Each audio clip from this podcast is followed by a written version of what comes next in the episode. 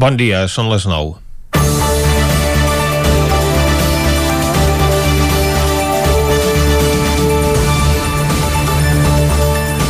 No es pot negar que el Departament de Treball, Afers Socials i Famílies fa honor al seu nom i treballa fins a altes hores a la nit. Almenys pel que s'ha vist aquesta setmana. Dilluns, a les tantes, s'anunciava la destitució de la cúpula del departament. El conseller, el granollerí Shakir El Hamrani, substituïa un altre bellesà, Josep Ginesta, com a secretari general del departament, entre d'altres càrrecs.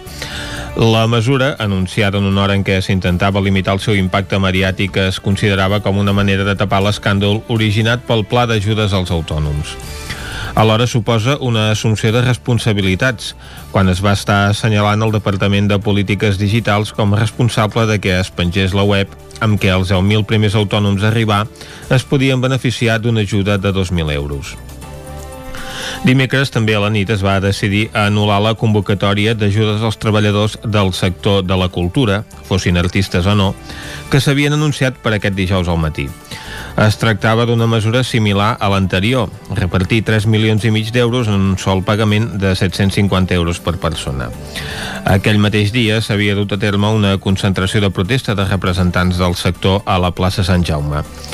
Des de la conselleria es va al·legar que la publicació de l'anunci a la web de la Generalitat es tractava d'un error perquè es volia evitar que es reproduís el col·lapse que va tenir lloc amb els autònoms. El fracàs i la indignació que va provocar aquest desori va acabar amb la petició de dimissió del conseller al Parlament per part de l'oposició. No és el primer cop que el Honrani està a l'ull de l'huracà. La seva gestió de les residències de la tercera edat, principal focus de mortalitat en la primera onada de la pandèmia, va provocar que les seves competències en aquesta àrea es traspassessin al Departament de Salut. En aquesta segona onada, el conseller també va ser focus de controvèrsia quan volia obligar a aplicar el teletreball a totes les empreses que poguessin fer-ho sota amenaça de sanció però immediatament un altre membre de l'executiu Vallèsà, aquest cop la consellera de Presidència, el va acabar rectificant, perquè la Generalitat no té competències per prendre aquesta mesura amb l'actual decret d'estat d'alarma. Entre una cosa i l'altra, el Conrani és ara un dels consellers més qüestionats, però ha insistit a dir que no pensa dimitir. I és que, si ho fes, provocaria un problema més al Consell Executiu, perquè ara mateix no hi ha president que pugui nomenar el seu substitut. Comencem Territori 17, a la sintonia del 9 FM, la veu de Sant Joan, Ona Codinenca, Ràdio Cardedeu i el 9 TV. Territori 17, amb Vicenç Vigues i Jordi Sunyer.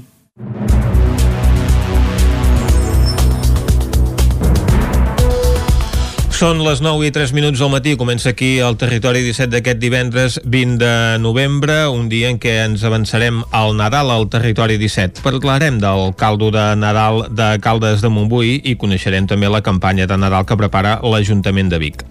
En Jaume Espuny ens portarà un clàssic musical i repassarem l'agenda esportiva i d'activitats que es puguin dur a terme aquest cap de setmana. Tot això des d'ara i fins a les 12. Comencem, però, fent un repàs a l'actualitat de les comarques d'Osona, el Ripollès, el Vallès Oriental i el Moianès.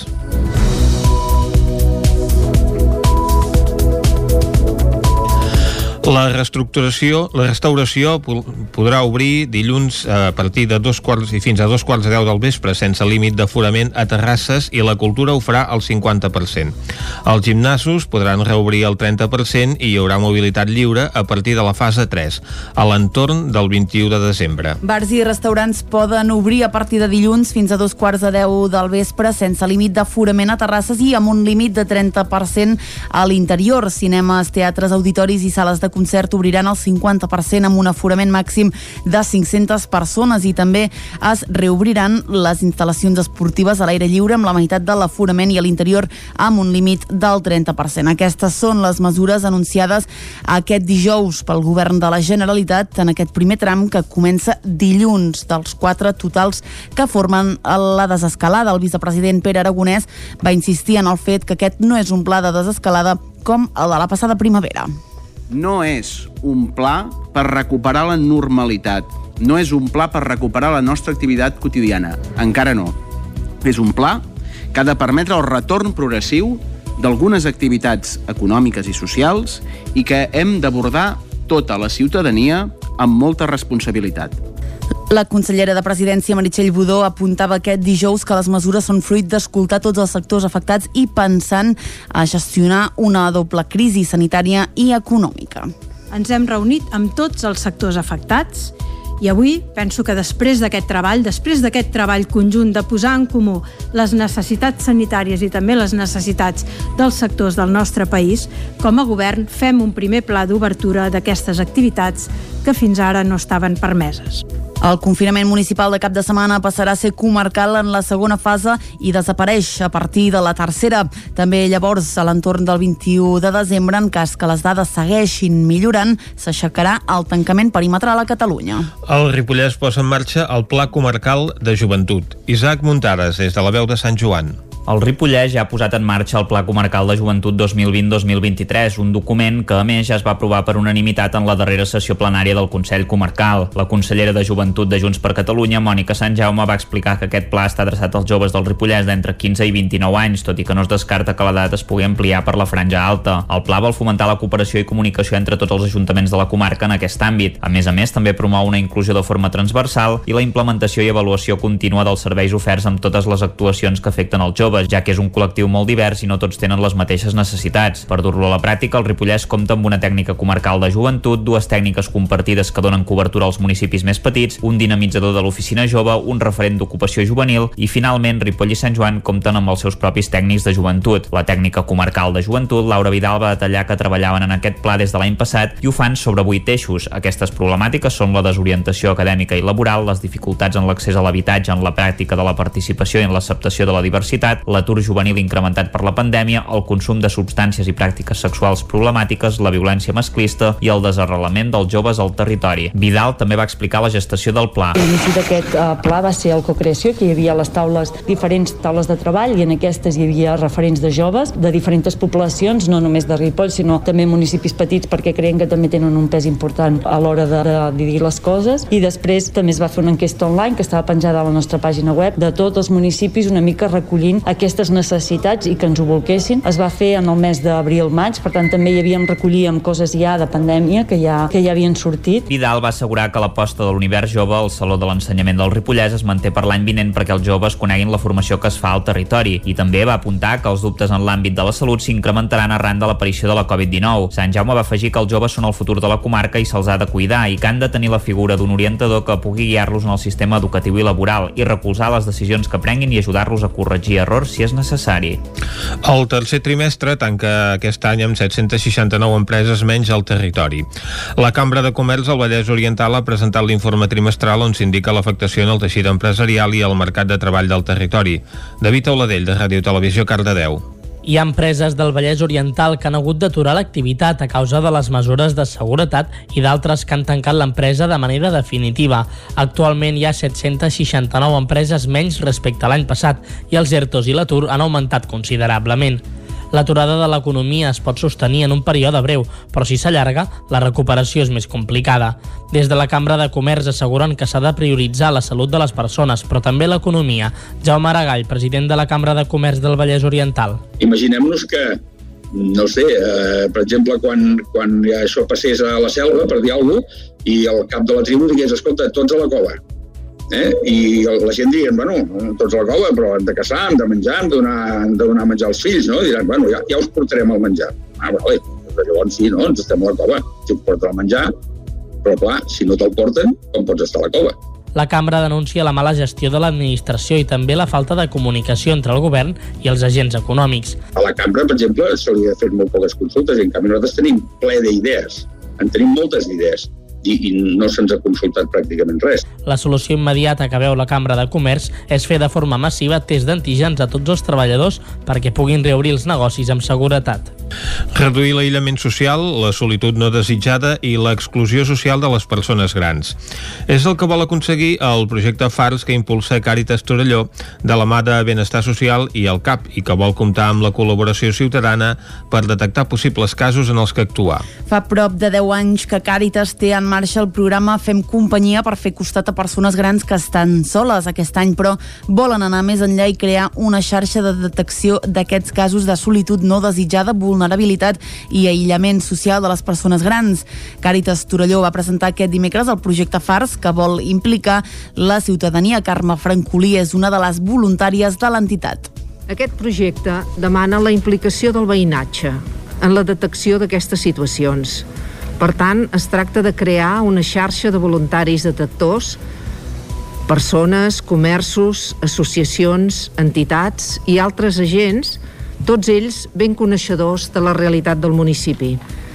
Aquests voluntaris de detecció els anomenem FARS, de moment ja han començat a parlar amb les farmàcies per fer les primeres deteccions. Un cop es detectin, la regidora de Benestar Social i el CAP faran la valoració i si ho creuen convenient ho comunicaran a Càritas perquè actuï, ho explica Robert Tisses, voluntari de Càritas. Quan es detecta o se sap d'alguna persona que necessita acompanyament, es va a casa seu, es fa un cop a la setmana, normalment, un parell d'hores, eh? sol ser a la tarda, i o es va caminar amb aquesta persona, Depèn, per exemple, per les característiques, millor no, no et mous de casa perquè aquella persona bueno, no és el moment de sortir de casa. S'intenta, si es pot, vincular-lo amb activitats del poble, és a dir, sobretot casal cívic, eh, que aquest, és a dir, hem dit que la vinculació comunitària és important, el proper pas en la fase d'implementació del programa és fer-lo més extensiu i un dels punts en els que volen incidir és en presentar-lo a les escoles i instituts per sensibilitzar el jovent de les problemàtiques socials, sobretot en moments encara més complicats de pandèmia. Aquest Nadal il·lusiona't és el lema de la campanya de Nadal a Vic. L'Ajuntament la va presentar aquest dimecres juntament amb les novetats a la 77a cavalcada de Reis adaptada a les circumstàncies actuals. Sota el lema d'aquest Nadal il·lusiona't a Vic comprarà segur, l'Ajuntament de Vic vol promoure la compra segura i de qualitat. Amb aquest objectiu s'ha fet un spot que es va estrenar aquest dijous al Nou TV. Anna R és l'alcaldessa de Vic. El que teníem clar és que no podíem perdre'ns la campanya de Nadal. Per nosaltres, i d'aquí aquest eslògan de que eh, el Nadal a Vic ja és aquí i el Nadal a Vic serà segur. Eh? Per nosaltres aquesta és una prioritat i que demostra una mica també eh, el, el que volem el que volem que entengui i que s'ha anat entenent durant tot aquest temps, eh? que és aquesta cadena de seguretat i de corresponsabilitat que hem de fer entre tots en una roda de premsa que va tenir lloc aquest dijous, l'Ajuntament també va presentar les novetats de la cavalcada de Reis, que tindrà un nou format degut a la pandèmia. Per evitar aglomeracions es farà un recorregut de 20 quilòmetres pels diferents barris de la ciutat. Com a novetat es repartiran 15.000 fanalets per il·luminar la ciutat, 5.000 dels quals es distribuiran a les escoles de Vic. A més, la cavalcada es retransmetrà íntegrament en directe amb un desplegament de mitjans sense precedents que es podrà seguir a través del nou TV i la pàgina web web de l'Ajuntament. Albert Castells és el regidor de Serveis i Manteniment de l'Ajuntament de Vic. Volem garantir que les persones, les famílies, els nens que estiguin en quarantena aquelles dates doncs, puguin veure, així com els col·lectius de risc. Per tant, demanaríem a primer aquests col·lectius doncs, que no baixin al carrer, sinó que eh, puguin veure còmodament des de casa la, la cavalcada. També remarcar doncs, que no tindrem un acte públic a la plaça Major ni cap acte institucional públic obert a la via pública, per tant doncs, eh, hem de reforçar aquest missatge de que tothom es quedi eh, al barri, que tothom es quedi a, casa seva a veure doncs, el, el tram final de la cavalcada perquè serà retransmesa en directe aquest vespre es farà l'encesa de llums de Nadal, una iniciativa que s'avança per donar suport al comerç local. Caldes de Montbui impulsa el llançament del brou embotellat i elaborat amb la font del Lleó. Aquesta és l'alternativa a la Fira de Nadal que s'ha hagut de suspendre. Caral Campàs, és d'Ona Codinenca. La situació de crisi sanitària ha obligat el municipi a cancel·lar la que hauria estat la 35a Fira de Nadal que s'havia de celebrar el 28 i 29 de novembre. Un dels principals atractius d'aquesta fira calderina és la repartició del brou termal. De fet, aquest caldo cuit amb aigua termal de la Font del Lleó en dues olles d'un metre i mig de, de diàmetre és l'epicentre de la celebració. L'Oficina de Turisme i el Museu Termàlia no han volgut renunciar a aquesta tradició i per primer cop la botiga del museu oferirà brou ecològic ecològic termal embotellat. Sentim la regidora de Turisme i Termalisme, Carme Germà. Um, hauríem d'estar ara mateix presentant la Fira de Nadal, que aquest any, com sabeu, no podrà ser, però tenim una molt bona notícia, que és que finalment hem aconseguit envasar el bou termal, el brou termal, i, i estem molt contents perquè el podrem tenir a la venda al Museu Termàlia per 3 euros, que és exactament el mateix que valia el litre en la Fira de Nadal, i aquest any amb l'afegit de que també podrem tenir brou vegetal, que és una, una cosa que ens demanava moltíssim la gent i que a la fira no podíem tenir.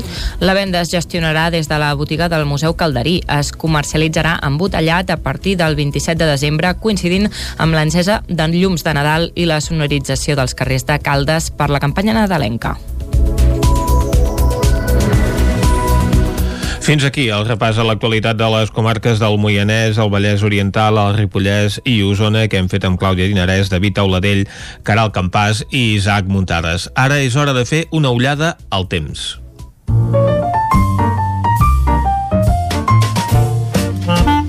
Casa Terradellos us ofereix el temps.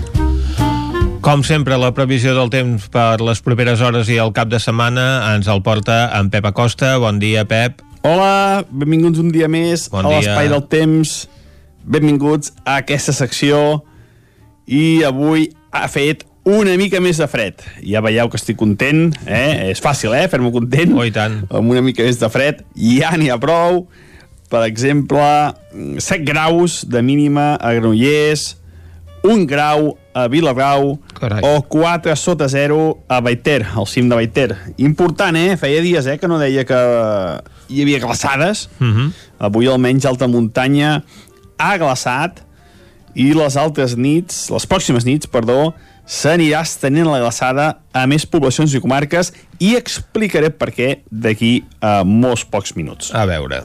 Però ara mateix això, només glaça a molt alta muntanya, encara hi ha una mica de, de vent, sobretot també a la zona del Pirineu, tramuntana, 30, 40, 50 km per hora, ens ha acabat un petit front molt insignificant, molt poca cosa, ha nevat i pogut una mica al Pirineu Occidental, però bueno, valors molt, molt, molt modestos.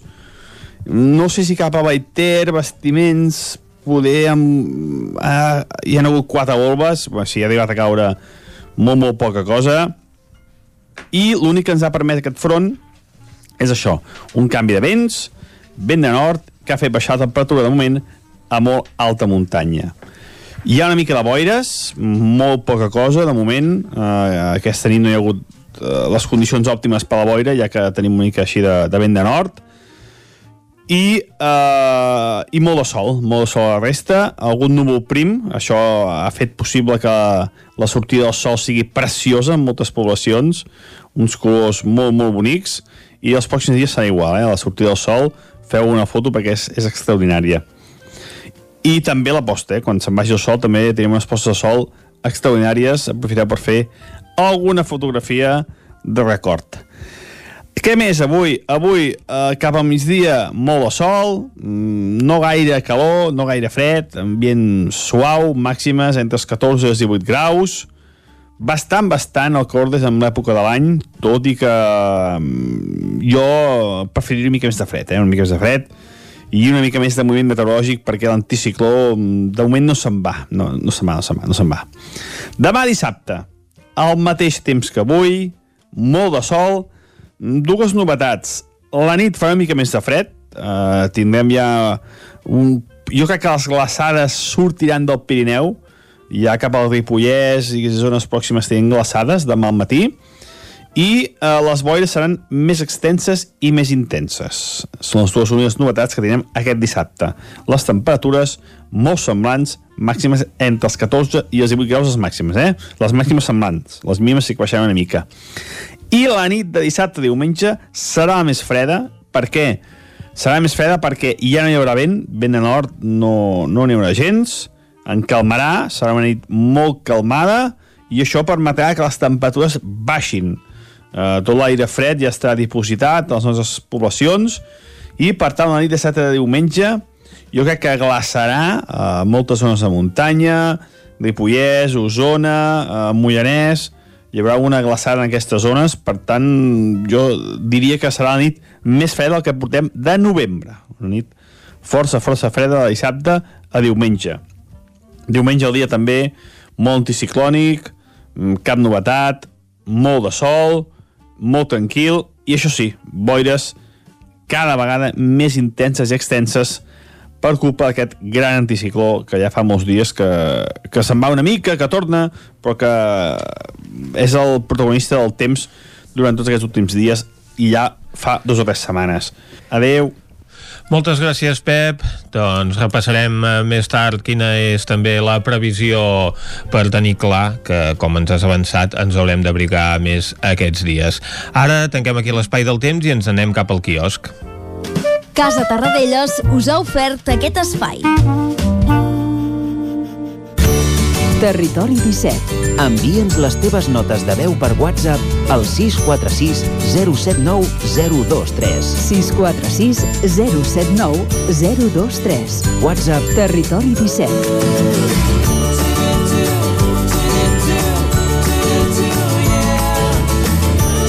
Territori 17.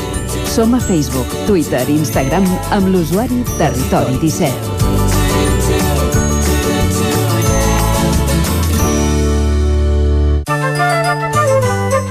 La visita al quiosc la iniciem com cada divendres fent una ullada a les portades al 9-9, Clàudia. Bon dia de nou, doncs si comencem amb l'edició d'Osona i el Ripollès que diu els pacients ingressats per Covid-19 a Osona baixen coincidint amb la desescalada. El sector de la restauració rep amb sensació agradolça l'autorització de reobrir a partir de dilluns amb limitacions.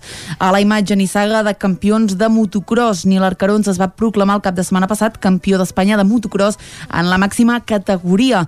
La fita arriba quan es compleixen 40 anys del primer títol absolut del seu pare Toni Arcarons. Més coses expulsen de l'equip de govern el regidor d'Esquerra a Sant Martí del Bars i alerta perquè el 9-9 posa en marxa una nova eina perquè el comerç local pugui vendre també a internet. Anem a l'edició del Vallès Oriental que diu l'Hospital de Granollers ampliarà l'àrea d'urgències amb dos mòduls prefabricats. Amb les obres que ja estan en marxa es guanyaran 16 bocs per pacients lleus.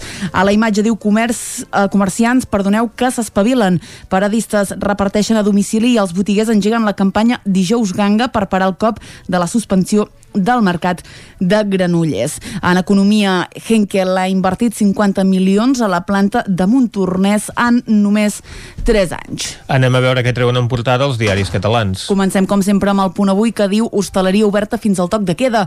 Bars i restaurants obriran amb restriccions fins a dos quarts de deu a partir de dilluns. Els equipaments esportius i culturals podran funcionar parcialment i el pla de reobertura, diu, està fet a dos mesos vista i es revisarà cada 15 dies. A la imatge, el Partit Popular torna a recollir firmes contra el català. El Congrés aprova la llei CELA que tomba la polèmica llei Wert. És una notícia que veurem a partir d'ara a pràcticament totes les portades. Òmnium Cultural diu absolta per al cas de la veu del Guàrdia Civil de la bandera. Anem al diari Ara, que avui obre amb una portada especial, és el Dia Internacional de la Infància, i el que han fet és obrir doncs, amb un dibuix eh, que acompanyen amb unes declaracions. Diu, ens estimem l'escola, nens i nenes celebren que, malgrat la Covid-19, puguin estar amb els seus amics. Una altra declaració d'aquests nens i nenes diu, mai m'havia passat sentir la tristor de tenir l'escola tancada. Anem al periòdico que diu, la desescalada accelera amb menys restriccions. Bars i restaurants podran obrir fins a dos quarts de deu al 30% dins i al 100% a les terrasses. Catalunya aixecarà el tancament perimetral abans de Nadal, però mantindrà el toc de queda. Aquí tornem a parlar de la llei CELA, que diu aconsegueix la majoria absoluta i la dreta es crispa. El Congrés aprova la norma d'educació entre crits i cops als escons del Partit Popular de Ciutadans i també de Vox i Treball actua contra Uber Eats per frau amb falsos autònoms. Anem a l'avantguàrdia que diu que Catalunya inicia dilluns la reobertura gradual de bars, cultura i esport. Les tres fases de desescalada arribaran el 21 de desembre quan hi haurà lliure circulació i grups de 10 persones, però alerta amb el toc de queda. A la imatge, les vacunes es comencen a repartir pel món concretament a la imatge es veu com arriben a Sao Paulo, al Brasil. Al Pirineu detingut un agent rural per haver mort un os i en esports Guardiola, que renova pel City fins l'any 2023. On la llei CELA preocupa de debò és a Madrid. Exacte, comencem pel país que diu el Congrés aprova una altra llei educativa sense consens. La llei CELA potencia l'ensenyament públic i imposa nous requisits a la concertada després de tirar endavant amb només un vot dels necessaris. A la imatge veiem el bloqueig a Canàries, diu la situació dels immigrants del pont d'Arguineguín doncs segueix estancada, parlem de Gran Canària. I el Constitucional avala les devolucions en calent d'immigrants. El Tribunal dona suport a gairebé la totalitat de la coneguda llei Mordassa. Anem avançant, anem al Mundo, que també parla de la llei CELA, que diu que provoca la major fractura educativa en democràcia. El projecte tira endavant amb 177 vots a favor, només un uh, més dels que es necessiten uh, amb la majoria absoluta necessària, els del govern i els dels seus socis. Encara uh, a Espanya els fiscals demanen més autonomia del govern per substituir els jutges, els errors. Els ERTE, diu, penalitzen fiscalment els treballadors i Frontex, diu, va alertar abans del Covid-19 d'una crisi migratòria a Canàries. Anem al Mundo que diu el Partit Popular, Popular es mobilitzarà al carrer contra la llei d'Educació. La justícia diu dona cinc dies a Podemos per presentar la liquidació de la seva seu i Moncloa va fiar la crisi de Canàries a un canvi meteorològic. Acabem, com sempre, amb l'ABC, que avui obre amb un primeríssim pla d'Isabel Celà. Diu el govern acaba amb la llibertat d'educació són taxatius que ho acompanyen amb un text força llarg que n'he subratllat a la part que, que, que més destaca diu el govern de Pedro Sánchez i Pablo Iglesias aprova una llei que entre d'altres diu implica la demolició de l'educació concertada i perfila la desaparició en 10 anys dels centres d'educació especial també diu es carrega l'obligatorietat d'utilitzar el castellà com a llengua vehicular a les aules. L'aprovació d'aquesta llei d'educació és tema central de les portades dels diaris d'avui amb imatges de la ministra que podem veure a l'ABC, El Mundo o el periòdico. També preocupa la situació a Canàries que protagonitza la portada del País i la Razón, sobretot pel que fa doncs, a la seva imatge més destacada de la primera pàgina i també veiem el Partit Popular i el seu president recollint firmes en contra del català a la portada del Punt Avui, mentre que l'Ara avui hi trobem un diari dibuixat pels nens. Amb aquesta visita als, al quiosc que tanquem aquest bloc informatiu.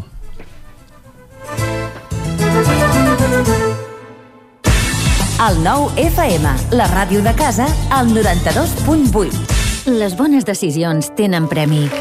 I és que si té una caldera Vaillant, està d'enhorabona. Vaillant li ofereix fins a 15 anys de cobertura total, amb la revisió obligatòria inclosa. Informis a Oficiat Nord trucant al 93 886 0040. Amb el servei tècnic oficial de Vaillant, la seva caldera estarà en les millors mans. El 9 FM. Dilluns 23 de novembre, el 9 FM celebra 10 anys de ràdio, fent un programa especial a benefici del Banc de Sang i Teixits. Per venir a donar sang a la seu del 9-9, de dos quarts de 5 de la tarda a les 8 del vespre, truqueu al 677 071 756 o apunteu-vos a donarsang.gencat.cat 677 071 756. Dilluns 23 de novembre, programa especial de 10 anys del 9 FM, a partir de dos quarts de 5 de la tarda. El 9 FM, 10 anys, compartint ràdio. Cobertes serveis funeraris. Els nostres tanatoris estan ubicats en els nuclis urbans més poblats de la comarca d'Osona per oferir un millor servei. Tanatori de Vic, Tanatori de Manlleu, Tanatori de Centelles i Tanatori de Roda de Ter. Sabem que són moments difícils i per això el nostre compromís és atendre-us en tot moment amb un tracte humà, sensible i respectuós. Cobertes serveis funeraris. Telèfon 24 hores 93 883 23 46.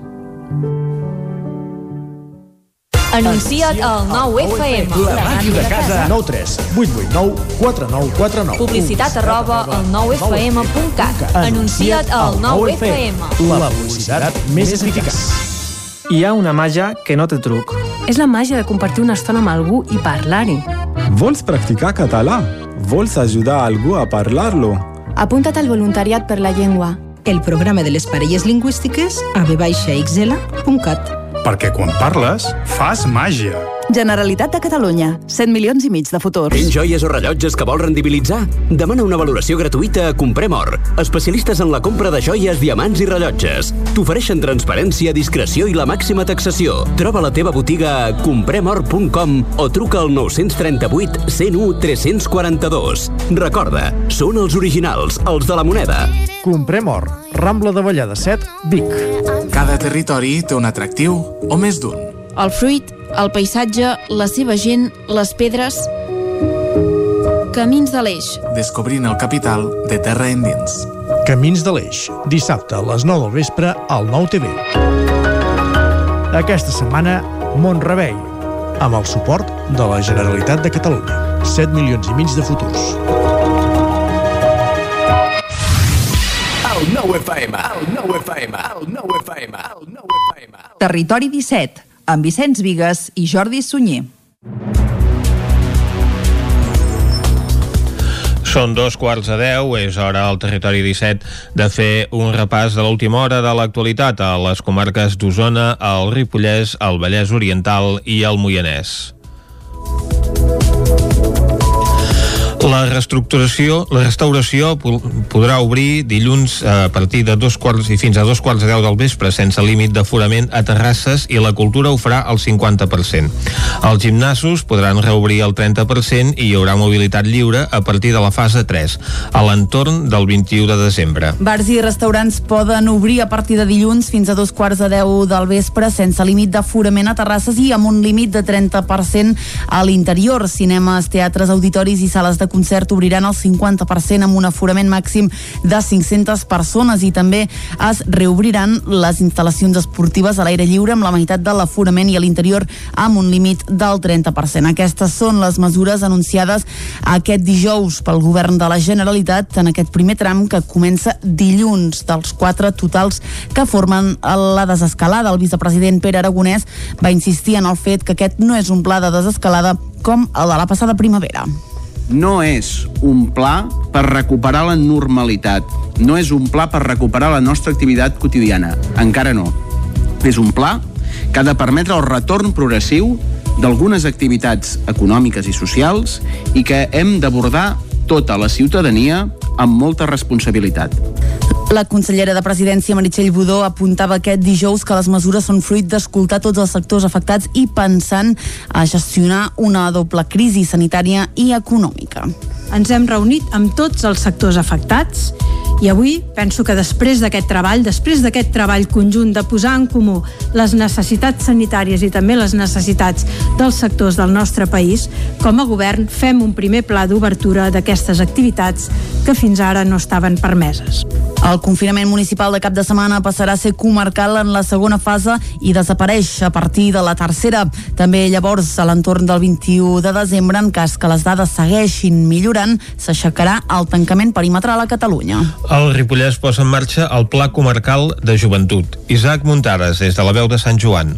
El Ripollès ja ha posat en marxa el Pla Comarcal de Joventut 2020-2023, un document que a més ja es va aprovar per unanimitat en la darrera sessió plenària del Consell Comarcal. La consellera de Joventut de Junts per Catalunya, Mònica Sant Jaume, va explicar que aquest pla està adreçat als joves del Ripollès d'entre 15 i 29 anys, tot i que no es descarta que l'edat es pugui ampliar per la franja alta. El pla vol fomentar la cooperació i comunicació entre tots els ajuntaments de la comarca en aquest àmbit. A més a més, també promou una inclusió de forma transversal i la implementació i avaluació contínua dels serveis oferts amb totes les actuacions que afecten els joves, ja que és un col·lectiu molt divers i no tots tenen les mateixes necessitats. Per dur-lo a la pràctica, el Ripollès compta amb una tècnica comarcal de joventut, dues tècniques compartides que donen cobertura als municipis més petits, un dinamitzador de l'oficina jove, un referent d'ocupació juvenil i, finalment, Ripoll i Sant Joan compten amb els seus propis tècnics de joventut. La tècnica comarcal de joventut, Laura Vidal, va detallar que treballaven en aquest pla des de l'any passat i ho fan sobre vuit eixos. Aquestes problemàtiques són la desorientació acadèmica i laboral, les dificultats en l'accés a l'habitatge, en la pràctica de la participació i en l'acceptació de la diversitat, l'atur juvenil incrementat per la pandèmia, el consum de substàncies i pràctiques sexuals problemàtiques, la violència masclista i el desarrelament dels joves al territori. Vidal també va explicar la gestació del pla. L'inici d'aquest uh, pla va ser el cocreació, que hi havia les taules, diferents taules de treball, i en aquestes hi havia referents de joves de diferents poblacions, no només de Ripoll, sinó també municipis petits, perquè creiem que també tenen un pes important a l'hora de, de dir les coses. I després també es va fer una enquesta online que estava penjada a la nostra pàgina web de tots els municipis una mica recollint aquestes necessitats i que ens ho volquessin. Es va fer en el mes d'abril-maig, per tant també hi havíem recollíem coses ja de pandèmia que ja, que ja havien sortit. Vidal va assegurar que l'aposta de l'univers jove al Saló de l'Ensenyament del Ripollès es manté per l'any vinent perquè els joves coneguin la formació que es fa al territori i també va apuntar que els dubtes en l'àmbit de la salut s'incrementaran arran de l'aparició de la Covid-19. Sant Jaume va afegir que els joves són el futur de la comarca i se'ls ha de cuidar i que han de tenir la figura d'un orientador que pugui guiar-los en el sistema educatiu i laboral i recolzar les decisions que prenguin i ajudar-los a corregir errors si és necessari. El tercer trimestre tanca aquest any amb 769 empreses menys al territori. La Cambra de Comerç al Vallès Oriental ha presentat l'informe trimestral on s'indica l'afectació en el teixit empresarial i el mercat de treball del territori. David Auladell, de Ràdio Televisió, Cardedeu. Hi ha empreses del Vallès Oriental que han hagut d'aturar l'activitat a causa de les mesures de seguretat i d'altres que han tancat l'empresa de manera definitiva. Actualment hi ha 769 empreses menys respecte a l'any passat i els ERTOs i l'atur han augmentat considerablement. L'aturada de l'economia es pot sostenir en un període breu, però si s'allarga, la recuperació és més complicada. Des de la Cambra de Comerç asseguren que s'ha de prioritzar la salut de les persones, però també l'economia. Jaume Aragall, president de la Cambra de Comerç del Vallès Oriental. Imaginem-nos que no sé, eh, per exemple, quan, quan això passés a la selva, per dir alguna cosa, i el cap de la tribu digués, escolta, tots a la cova. Eh? I la gent diria, bueno, tots a la cova, però hem de caçar, hem de menjar, hem de donar, hem de donar menjar als fills, no? Diran, bueno, ja, ja us portarem el menjar. Ah, vale, però llavors sí, no? Ens estem a la cova, si us porten el menjar, però clar, si no te'l porten, com pots estar a la cova? La cambra denuncia la mala gestió de l'administració i també la falta de comunicació entre el govern i els agents econòmics. A la cambra, per exemple, s'hauria de fer molt poques consultes i en canvi nosaltres tenim ple d'idees. En tenim moltes idees i, i no se'ns ha consultat pràcticament res. La solució immediata que veu la Cambra de Comerç és fer de forma massiva test d'antígens a tots els treballadors perquè puguin reobrir els negocis amb seguretat. Reduir l'aïllament social, la solitud no desitjada i l'exclusió social de les persones grans. És el que vol aconseguir el projecte FARS que impulsa Càritas Torelló de la mà de Benestar Social i el CAP i que vol comptar amb la col·laboració ciutadana per detectar possibles casos en els que actuar. Fa prop de 10 anys que Càritas té en marxa el programa Fem Companyia per fer costat a persones grans que estan soles aquest any, però volen anar més enllà i crear una xarxa de detecció d'aquests casos de solitud no desitjada, vulnerabilitat i aïllament social de les persones grans. Càritas Torelló va presentar aquest dimecres el projecte FARS que vol implicar la ciutadania. Carme Francolí és una de les voluntàries de l'entitat. Aquest projecte demana la implicació del veïnatge en la detecció d'aquestes situacions.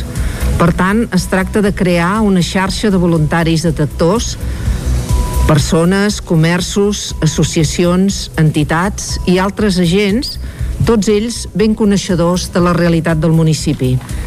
Aquests voluntaris de detecció els anomenem FARS. De moment ja han començat a parlar amb les farmàcies per fer les primeres deteccions. Un cop es detectin, la regidora de Benestar Social i el CAP faran la valoració i si ho creuen convenient ho comunicaran a Càritas perquè actuï, ho explica Robert Tisses, voluntari de Càritas. Quan es detecta o se sap d'alguna persona que necessita acompanyament, es va a casa seu, es fa un cop a la setmana, normalment, un parell d'hores, eh? sol ser a la tarda, i o es va caminar amb aquesta persona Depèn, per exemple, per les característiques, o millor no, no et mous de casa perquè aquella persona bueno, no és el moment de sortir de casa. S'intenta, si es pot, vincular-lo amb activitats del poble, és a dir, sobretot casal cívic, eh, que aquest, és a dir, hem dit que la vinculació comunitària és important, el proper pas en la fase d'implementació del programa és fer-lo més extensiu i un dels punts en els que volen incidir és en presentar-lo a les escoles i instituts per sensibilitzar el jovent de les problemàtiques socials, sobretot en moments encara més complicats de pandèmia. Aquest Nadal il·lusiona't és el lema de la campanya de Nadal a Vic. L'Ajuntament la va presentar aquest dimecres juntament amb les novetats a la 77a cavalcada de Reis adaptada a les circumstàncies actuals. Sota el lema d'aquest Nadal il·lusiona't a Vic comprarà segur l'Ajuntament de Vic vol promoure la compra segura i de qualitat. Amb aquest objectiu s'ha fet un spot que es va estrenar aquest dijous al Nou TV. Anna R és l'alcaldessa de Vic. El que teníem clar és que no podíem perdre'ns la campanya de Nadal. Per nosaltres, i d'aquí aquest eslògan de que eh, el Nadal a Vic ja és aquí i el Nadal a Vic serà segur. Eh? Per nosaltres aquesta és una prioritat i que demostra una mica també eh, el, el que volem el que volem que entengui i que s'ha anat entenent durant tot aquest temps eh? que és aquesta cadena de seguretat i de corresponsabilitat que hem de fer entre tots en una roda de premsa que va tenir lloc aquest dijous, l'Ajuntament també va presentar les novetats de la cavalcada de Reis, que tindrà un nou format degut a la pandèmia. Per evitar aglomeracions es farà un recorregut de 20 quilòmetres pels diferents barris de la ciutat. Com a novetat es repartiran 15.000 fanalets per il·luminar la ciutat, 5.000 dels quals es distribuiran a les escoles de Vic. A més, la cavalcada es retransmetrà íntegrament en directe amb un desplegament de mitjans sense precedents que es podrà seguir a través del nou TV i la pàgina web web de l'Ajuntament. Albert Castells és el regidor de Serveis i Manteniment de l'Ajuntament de Vic. Volem garantir que les persones, les famílies, els nens que estiguin en quarantena aquelles dates doncs, puguin veure, així com els col·lectius de risc. Per tant, demanaríem a primer aquests col·lectius doncs, que no baixin al carrer, sinó que eh, puguin veure còmodament des de casa la, la cavalcada. També remarcar doncs, que no tindrem un acte públic a, la plaça Major ni cap acte institucional públic obert a la via pública, per tant doncs, eh, hem de reforçar aquest missatge de que tothom es quedi eh, al barri, que tothom es quedi a casa seva a veure doncs, el, el tram final de la cavalcada perquè serà retransmesa en directe aquest vespre es farà l'encesa de llums de Nadal, una iniciativa que s'avança per donar suport al comerç local. Caldes de Montbui impulsa el llançament del brou embotellat i elaborat amb la font del Lleó. Aquesta és l'alternativa a la Fira de Nadal que s'ha hagut de suspendre. Caral Campàs, és d'Ona Codinenca. La situació de crisi sanitària ha obligat el municipi a cancel·lar la que hauria estat la 35a Fira de Nadal que s'havia de celebrar el 28 i 29 de novembre. Un dels principals atractius d'aquesta fira calderina és la repartició del brou termal. De fet, aquest caldo cuit amb aigua termal de la Font del Lleó en dues olles d'un metre i mig de, de diàmetre és l'epicentre de la celebració. L'Oficina de Turisme i el Museu Termàlia no han volgut renunciar a aquesta tradició i per primer cop la botiga del museu oferirà brou ecològic ecològic termal embotellat. Sentim la regidora de Turisme i Termalisme, Carme Germà. Um, hauríem d'estar ara mateix presentant la Fira de Nadal, que aquest any, com sabeu, no podrà ser, però tenim una molt bona notícia, que és que finalment hem aconseguit envasar el bou termal, el brou termal, i, i estem molt contents perquè el podrem tenir a la venda al Museu Termàlia per 3 euros, que és exactament el mateix que valia el litre en la Fira de Nadal, i aquest any amb l'afegit de que també podrem tenir brou vegetal, que és una, una cosa que ens demanava moltíssim la gent i que a la fira no podíem tenir. La venda es gestionarà des de la botiga del Museu Calderí. Es comercialitzarà embotellat a partir del 27 de desembre, coincidint amb l'encesa de llums de Nadal i la sonorització dels carrers de Caldes per la campanya nadalenca. Fins aquí el repàs a l'actualitat de les comarques del Moianès, el Vallès Oriental, el Ripollès i Osona que hem fet amb Clàudia Dinarès, David Auladell, Caral Campàs i Isaac Muntades. Ara és hora de fer una ullada al temps.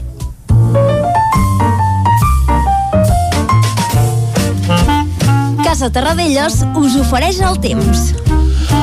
Com sempre, la previsió del temps per les properes hores i el cap de setmana ens el porta en Pep Acosta. Bon dia, Pep. Hola, benvinguts un dia més bon a l'Espai del Temps. Benvinguts a aquesta secció i avui ha fet una mica més de fred. Ja veieu que estic content, eh? És fàcil, eh? Fer-me content. Oh, tant. Amb una mica més de fred. Ja n'hi ha prou. Per exemple, 7 graus de mínima a Granollers, un grau a Vilabrau Carai. o 4 sota 0 a Baiter, al cim de Baiter. Important, eh? Feia dies eh, que no deia que hi havia glaçades. Uh mhm. -huh. Avui almenys alta muntanya ha glaçat i les altres nits, les pròximes nits, perdó, s'anirà estenent la glaçada a més poblacions i comarques i explicaré per què d'aquí a molts pocs minuts. A veure. Però ara mateix això, només glaça a molt alta muntanya, encara hi ha una mica de, de vent, sobretot també a la zona del Pirineu, tramuntana, 30, 40, 50 km per hora, ens ha acabat un petit front, molt insignificant, molt poca cosa, ha nevat i pogut una mica al Pirineu Occidental, però bueno, mm, valors molt, molt, molt modestos. No sé si cap a Baiter, vestiments, poder amb, eh, hi ha hagut quatre volves, si ha arribat a caure molt, molt poca cosa, i l'únic que ens ha permès aquest front és això, un canvi de vents, vent de nord, que ha fet baixar la temperatura de moment a molt alta muntanya. Hi ha una mica de boires, molt poca cosa de moment. Uh, aquesta nit no hi ha hagut uh, les condicions òptimes per la boira, ja que tenim una mica així de, de vent de nord.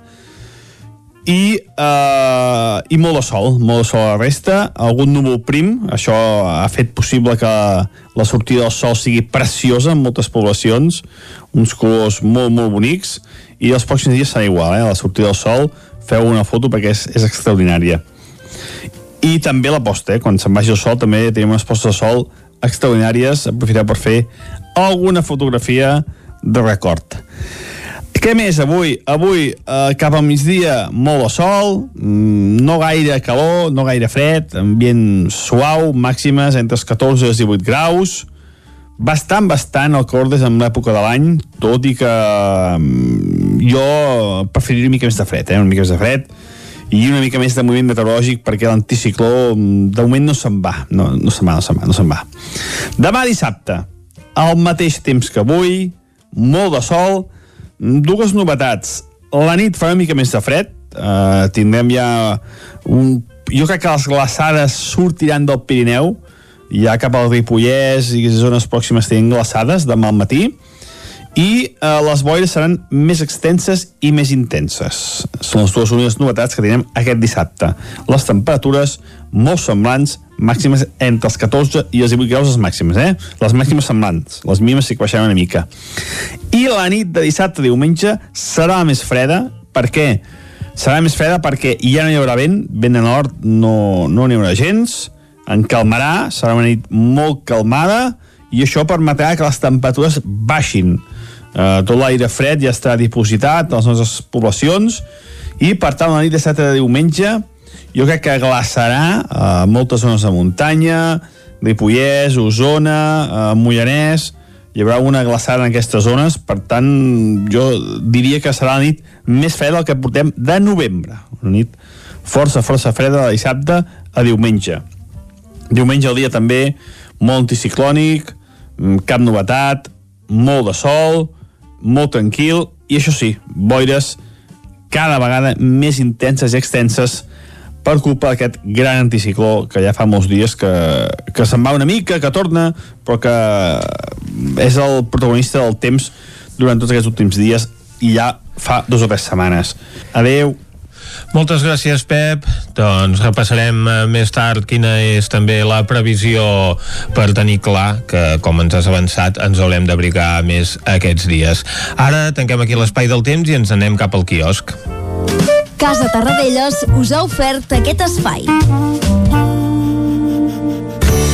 Territori 17. Envia'ns les teves notes de veu per WhatsApp al 646 079 023. 646 079 023. WhatsApp Territori 17.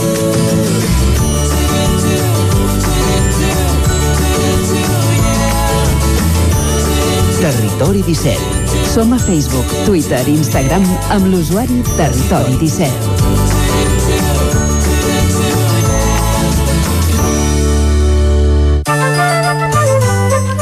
La visita al quiosc la iniciem com cada divendres fent una ullada a les portades al 9-9, Clàudia. Bon dia de nou, doncs si comencem amb l'edició d'Osona i el Ripollès que diu els pacients ingressats per Covid-19 a Osona baixen coincidint amb la desescalada.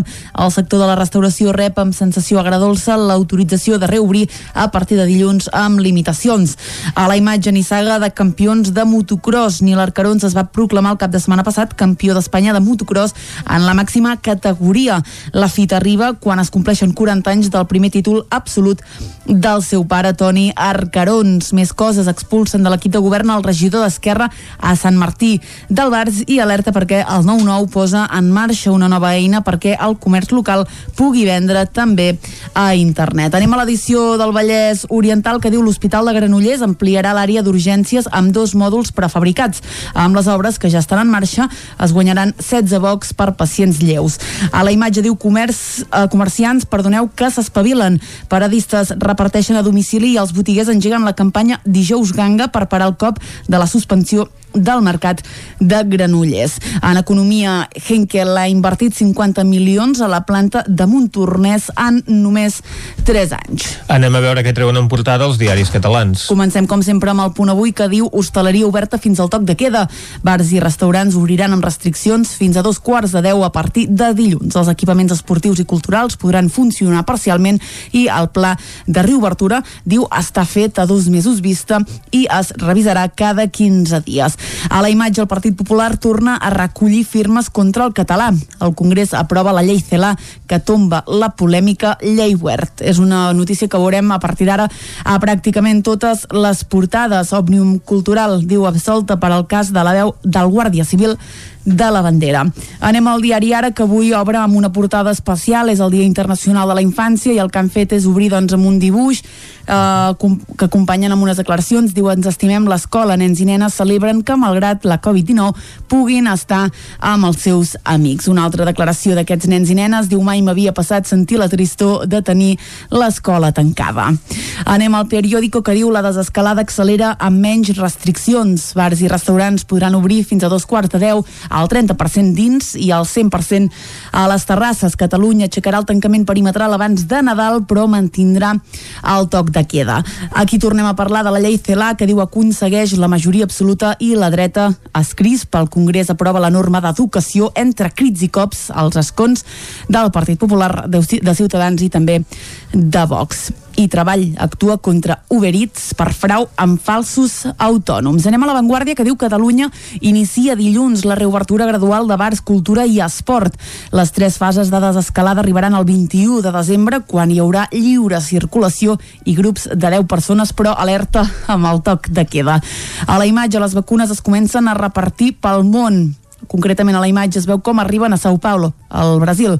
Al Pirineu detingut un agent rural per haver mort un os i en esports Guardiola, que renova pel City fins l'any 2023. On la llei CELA preocupa de debò és a Madrid. Exacte, comencem pel país que diu el Congrés aprova una altra llei educativa sense consens. La llei CELA potencia l'ensenyament públic i imposa nous requisits a la concertada després de tirar endavant amb només un vot dels necessaris. A la imatge veiem el bloqueig a Canàries, diu la situació dels immigrants del pont d'Arguineguín doncs segueix estancada, parlem de Gran Canària. I el Constitucional avala les devolucions en calent d'immigrants. El Tribunal dona suport a gairebé la totalitat de la coneguda llei Mordassa. Anem avançant, anem al Mundo, que també parla de la llei CELA, que diu que provoca la major fractura educativa en democràcia. El projecte tira endavant amb 177 vots a favor, només un uh, més dels que es necessiten uh, amb la majoria absoluta necessària, els del govern i els dels seus socis. Encara uh, a Espanya els fiscals demanen més autonomia del govern per substituir els jutges, els errors. Els ERTE, diu, penalitzen fiscalment els treballadors i Frontex, diu, va alertar abans del Covid-19 d'una crisi migratòria a Canàries. Anem al Mundo que diu el Partit Popular, Popular es mobilitzarà al carrer contra la llei d'educació. La justícia diu dona cinc dies a Podemos per presentar la liquidació de la seva seu i Moncloa va fiar la crisi de Canàries a un canvi meteorològic. Acabem, com sempre, amb l'ABC, que avui obre amb un primeríssim pla d'Isabel Celà.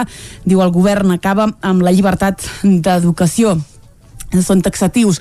Uh, ho acompanyen amb un text força llarg que n'he subratllat la part que, que, que més destaca. Diu el govern de Pedro Sánchez i Pablo Iglesias aprova una llei que entre d'altres diu implica la demolició de l'educació concertada i perfila la desaparició en 10 anys dels centres d'educació especial. També, diu, es carrega l'obligatorietat d'utilitzar el castellà com a llengua vehicular a les aules.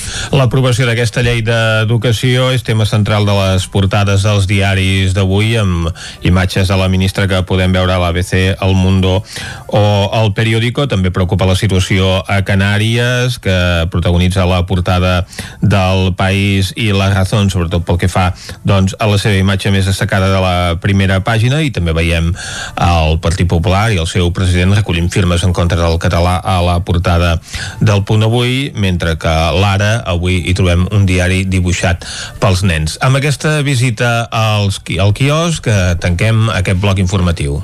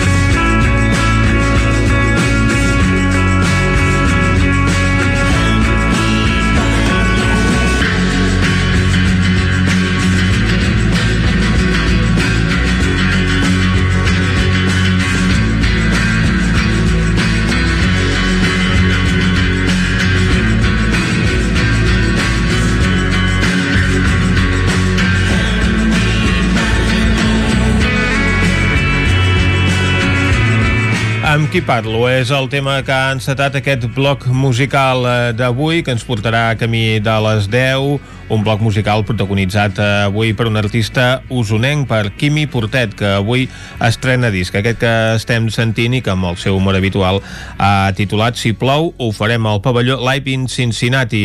És un disc en directe recopilatori de les seves produccions anteriors i també amb alguna novetat, com és aquesta peça inèdita que hem sentit ara, amb qui parlo, i també, igual que ho és aquesta que ja estem sentint ara de fons i que ens portarà fins les 10 i que es titula Matèria Orgànica. Carboni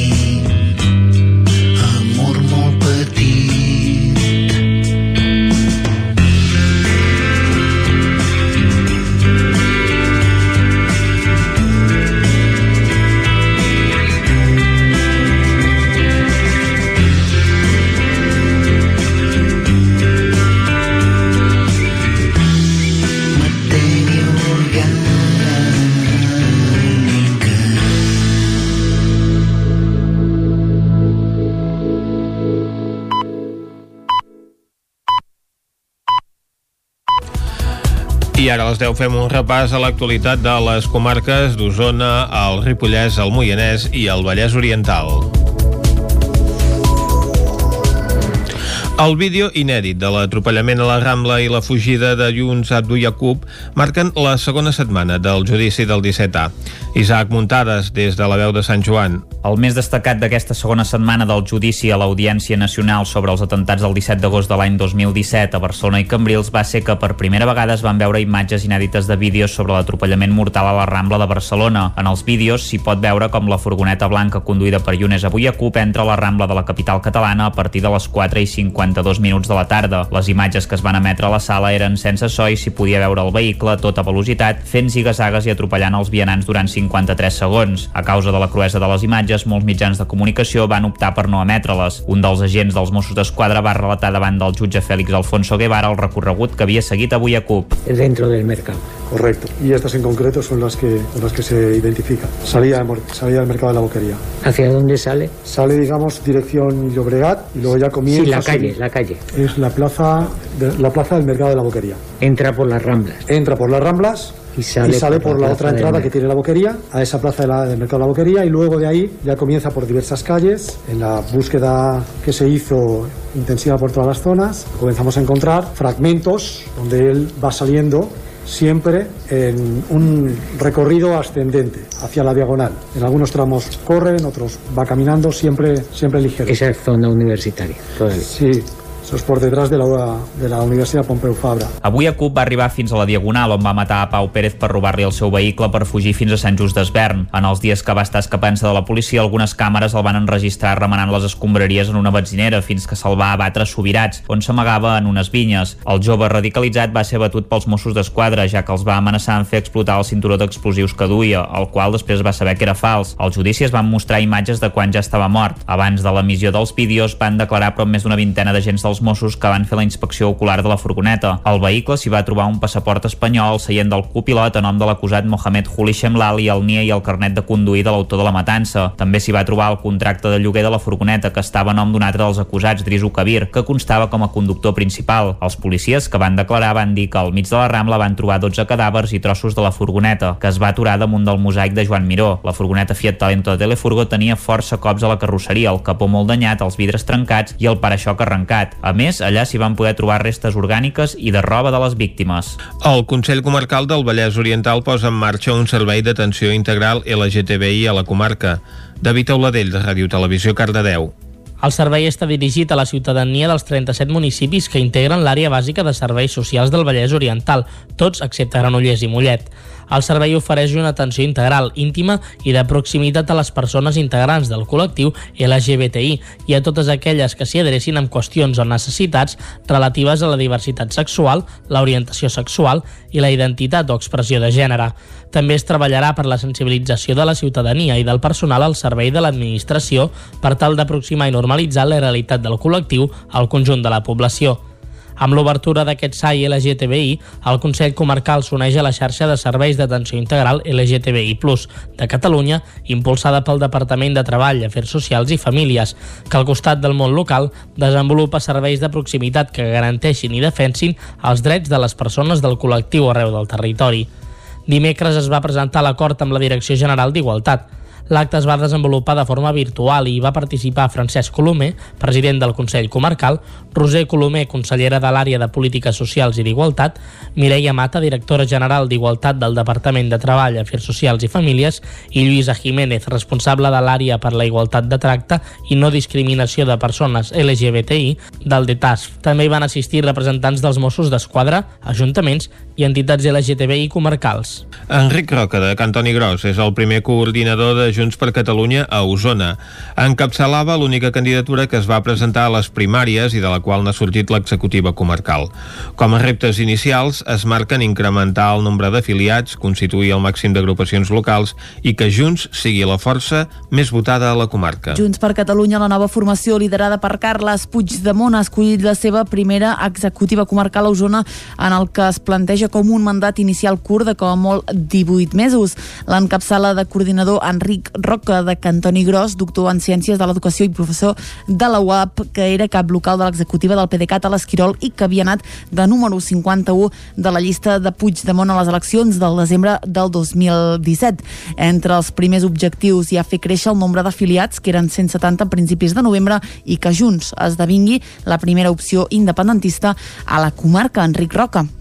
Tenim, clar, voluntat de ser la força majoritària de l'independentisme a la comarca i perquè volem ser també la força més transversal, eh? no treballar sols per assolir la independència, treballar en les altres forces polítiques, també en la societat civil, La creació d'agrupacions locals al màxim nombre de municipis, començant per les poblacions més grans, és un altre dels reptes de l'executiva comarcal de Junts, que espera quedar-se amb el gran gruix de membres que tenia el PDeCAT a Osona. L'altra qüestió més immediata són les eleccions al Parlament previstes pel 14 de febrer. i en això posarem doncs, tota la nostra estructura i, i, i tota la gent que tenim a, a Junts i els simpatitzants que vulguin col·laborar en què realment tinguem un gran resultat el 14 de febrer, clar. A l'executiva resultant de la única candidatura que es va presentar a les primàries hi ha diversos regidors. Oriol Usar de Balanyà, Montse Rubau del Pens, Susana Roura de Vic, Arnau Rovira i Lluïsa Bautista de Manlleu o Marc Poeda de Tona i l'alcalde de Tabertet, Albert Prado. També en formen part Laia Comerma de Ceba, Albert Mas de Sant Hipòlit i Xavier Solagran de Taradell. Primàries Codines presenta unes jornades participatives per posar en comú amb la població de Sant Feliu una proposta de pressupostos participatius. Caral Campàs, des d'Ona Codinenca. El principal grup de l'oposició a Sant Feliu convida a la ciutadania a una jornada per treballar entorn al pressupost municipal d'aquest any.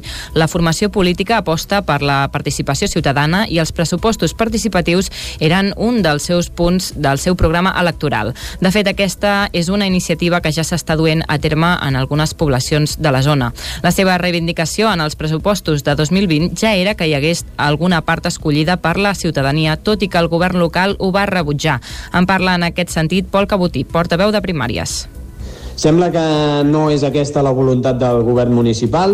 Nosaltres l'any passat ja ho vam demanar, sembla que pel 2021 tampoc tindrem pressupostos participatius i davant d'això el grup de primàries Codines hem decidit organitzar aquesta jornada. La jornada serà aquest dissabte a les 7 de la tarda. Es realitzarà de forma telemàtica i serà oberta a tota la ciutadania de Sant Feliu de Codines. Cabotí dona més detalls del funcionament de la jornada on tindrà una primera part on els regidors explicarem com s'estructura i, els, i com s'elabora un pressupost i després hi haurà una part més participativa on recollirem propostes, inquietuds, solucion... eh, intentarem respondre als dubtes que puguin tenir eh, la, gent, la gent que s'hi connecti. Un cop s'hagin recollit les propostes, es votarà, expliquen des de primàries, per decidir quines es faran arribar al govern municipal per proposar incloure-les en el pressupost. Des de primàries animen a tothom a participar des del link que hi haurà publicat a la seva pàgina web.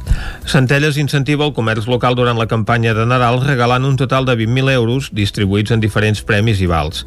Aquest any l'objectiu és incentivar la compra al comerç local davant l'amenaça del comerç virtual. Tens uh, 20.000 motius per comprar a Centelles, és el lema de la campanya que l'Ajuntament ha posat en marxa per incentivar el comerç local aquest Nadal, fent referència als 20.000 euros que es repartiran en vals i premis als qui comprin al municipi. Hi ha 7.000 euros distribuïts en premis de 100, 200, 300 i 500 euros i 260 vals de 50 euros que en sumen 13.000.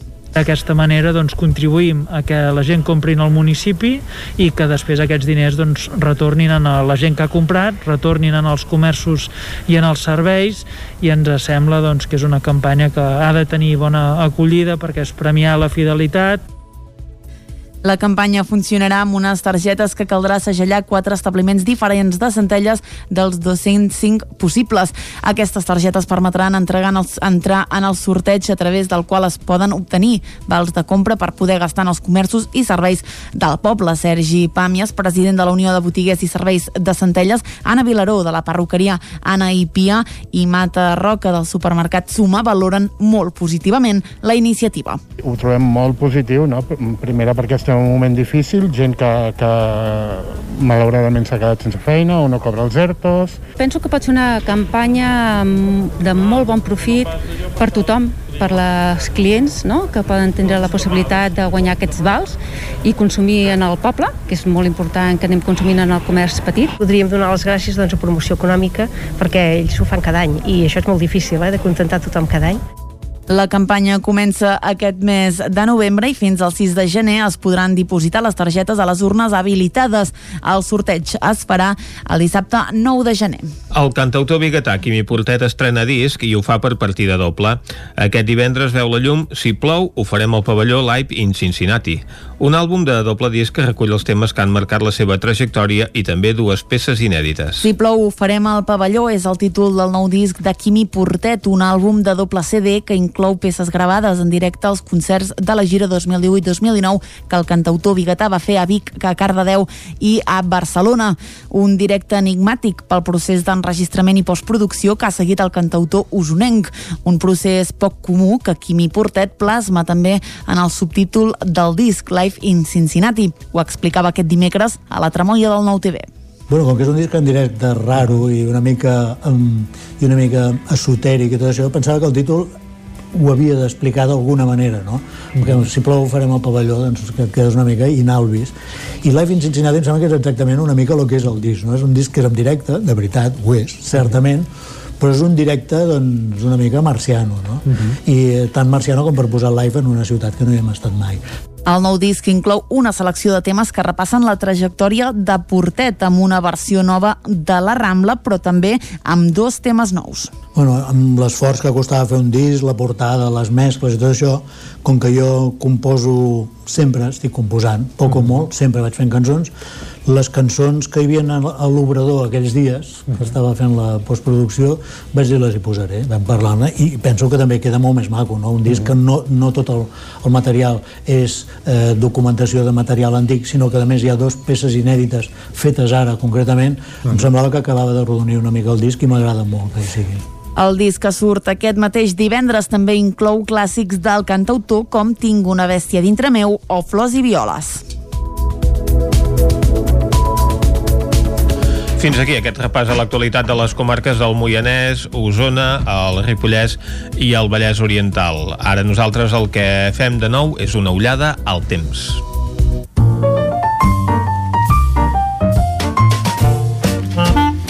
Casa Terradellos us ofereix el temps. Com sempre, qui ens parla del temps a les properes hores i també del que s'esdevindrà aquest cap de setmana és en Pep Acosta. Pep, bon dia. Hola, benvinguts un dia més a l'Espai del Temps. Avui, eh, cap al migdia, molt de sol, mm, no gaire calor, no gaire fred, ambient suau, màximes entre els 14 i els 18 graus, bastant, bastant el calor des en l'època de l'any, tot i que mm, jo preferiria una mica més de fred, eh? una mica més de fred, i una mica més de moviment meteorològic perquè l'anticicló mm, de moment no se'n va no, no se'n va, no se'n va, no se'n va demà dissabte al mateix temps que avui molt de sol dues novetats la nit fa una mica més de fred uh, tindrem ja un, jo crec que les glaçades sortiran del Pirineu ja cap al Ripollès i zones pròximes tenen glaçades demà al matí i eh, les boires seran més extenses i més intenses. Són les dues úniques novetats que tenim aquest dissabte. Les temperatures molt semblants, màximes entre els 14 i els 18 graus les màximes, eh? Les màximes semblants, les mínimes sí que baixaran una mica. I la nit de dissabte a diumenge serà més freda, per què? Serà més freda perquè ja no hi haurà vent, vent de nord no, no n'hi haurà gens, en calmarà, serà una nit molt calmada, i això permetrà que les temperatures baixin. Uh, tot l'aire fred ja està dipositat a les nostres poblacions i per tant la nit de 7 de diumenge jo crec que glaçarà uh, moltes zones de muntanya Ripollès, Osona, uh, Mollanès hi haurà una glaçada en aquestes zones per tant jo diria que serà la nit més freda del que portem de novembre una nit força, força freda de dissabte a diumenge diumenge al dia també molt anticiclònic mm, cap novetat molt de sol molt tranquil, i això sí, boires cada vegada més intenses i extenses per culpa d'aquest gran anticicló que ja fa molts dies que, que se'n va una mica, que torna, però que és el protagonista del temps durant tots aquests últims dies i ja fa dues o tres setmanes. Els mapes que diuen? Faig un petit abans. Diuen que poder les, a mitjans de setmana que ve hi ha un petit canvi, aviam, a partir de dimecres i jous pot ploure una mica, pot nevar bastant al Pirineu veurem, veurem què passa ja anirem afinant el pronòstic els pròxims dies, els pròxims dies moltes gràcies i que disfruteu de cada setmana. Adeu. Molt bé, doncs moltes gràcies, Pep. Ja sabem que aquest cap de setmana doncs, ens toca també abrigar-nos una mica més. Tanquem aquí aquest parèntesi dedicat al temps i anem cap a l'entrevista. Casa Tarradellas us ha ofert aquest espai. Territori 17. Envia'ns les teves notes de veu per WhatsApp al 646 079 023. 646 079 023. WhatsApp Territori 17.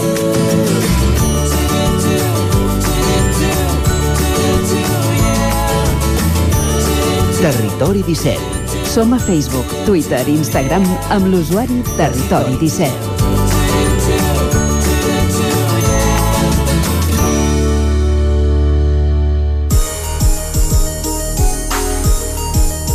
Ara mateix passa un minut d'un quart d'onze. Aquest Nadal Il·lusiona't, a Vic compraràs segur, és el nom d'una campanya que ha preparat l'Ajuntament de Vic i que s'inicia avui, amb l'encesa de l'enllumenat nadalenc i l'emissió d'un espot promocional a dos quarts de set de la tarda per al Nou TV. Avui tenim amb nosaltres per parlar-ne el regidor de Manteniment i de Serveis de l'Ajuntament de Vic, Albert Castells, bon dia. Bon dia, bon dia. Albert, encara falta més d'un mes per Nadal, però avui ja se'n centrarà l'enllumenat en nadalenc i el tradicional avet de la plaça Major. Per què es fa tan aviat aquest any? Doncs sí, aquest any avancem la campanya d'acord amb Vicomerç, la regidoria de comerç ha estat treballant doncs, tots aquests mesos amb els comerciants de la ciutat i va ser una petició de poder doncs, eh, això anticipar una mica l'encesa de llums i arrencar de la campanya perquè aquest any està sent molt difícil per tothom i creiem que, que era una bona iniciativa doncs, intentar començar amb optimisme aquests dies difícils que vivim. Uh -huh. I també s'amplia l'enllumenat amb més ornaments, no sé si també a més carrers? I al mateix temps doncs, que aquesta avançada de la data doncs, també hem fet un esforç per poder guanyar en amplitud de- d'espais de, il·luminats, eh, amb decoració nadalenca, i en eixos comercials principals de, del Remei i Estadi doncs, es van incrementar, també algun altre punt de, del centre ciutat, i per tant, eh, bueno, contents de, de veure avui no, aquesta encesa quan es faci fosc, de veure com queda la ciutat per intentar doncs, això tenir una campanya de Nadal amb el màxim d'èxit possible. -huh. Una encesa que està estructurada doncs, amb elements ornamentals fets de material reciclable. Sí, una part de l'enllumenat, com a novetat, doncs, eh, és en material doncs, eh, biodegradable i que, per tant, doncs, no genera un residu al final de la seva vida útil. Per tant, també volem sempre, amb totes les accions que anem fent com a Ajuntament, eh, fer front a aquesta emergència climàtica que vivim, aquesta urgència de fer una transició cap a una, una economia circular que generi menys residus, perquè això té un impacte directe no només amb la- l'ecologia, sinó amb la- l'economia. La nova economia es basa en, la- en la competitivitat en el, des d'aquest punt de vista i, per tant, apostem també, doncs, sempre que podem els contractes municipals, a afegir aquests criteris de sostenibilitat. Uh -huh. El que servia per donar el tret de sortida a les festes a Vic i que suposava un gran volum de visitants i de vendes de tota la ciutat era el mercat medieval.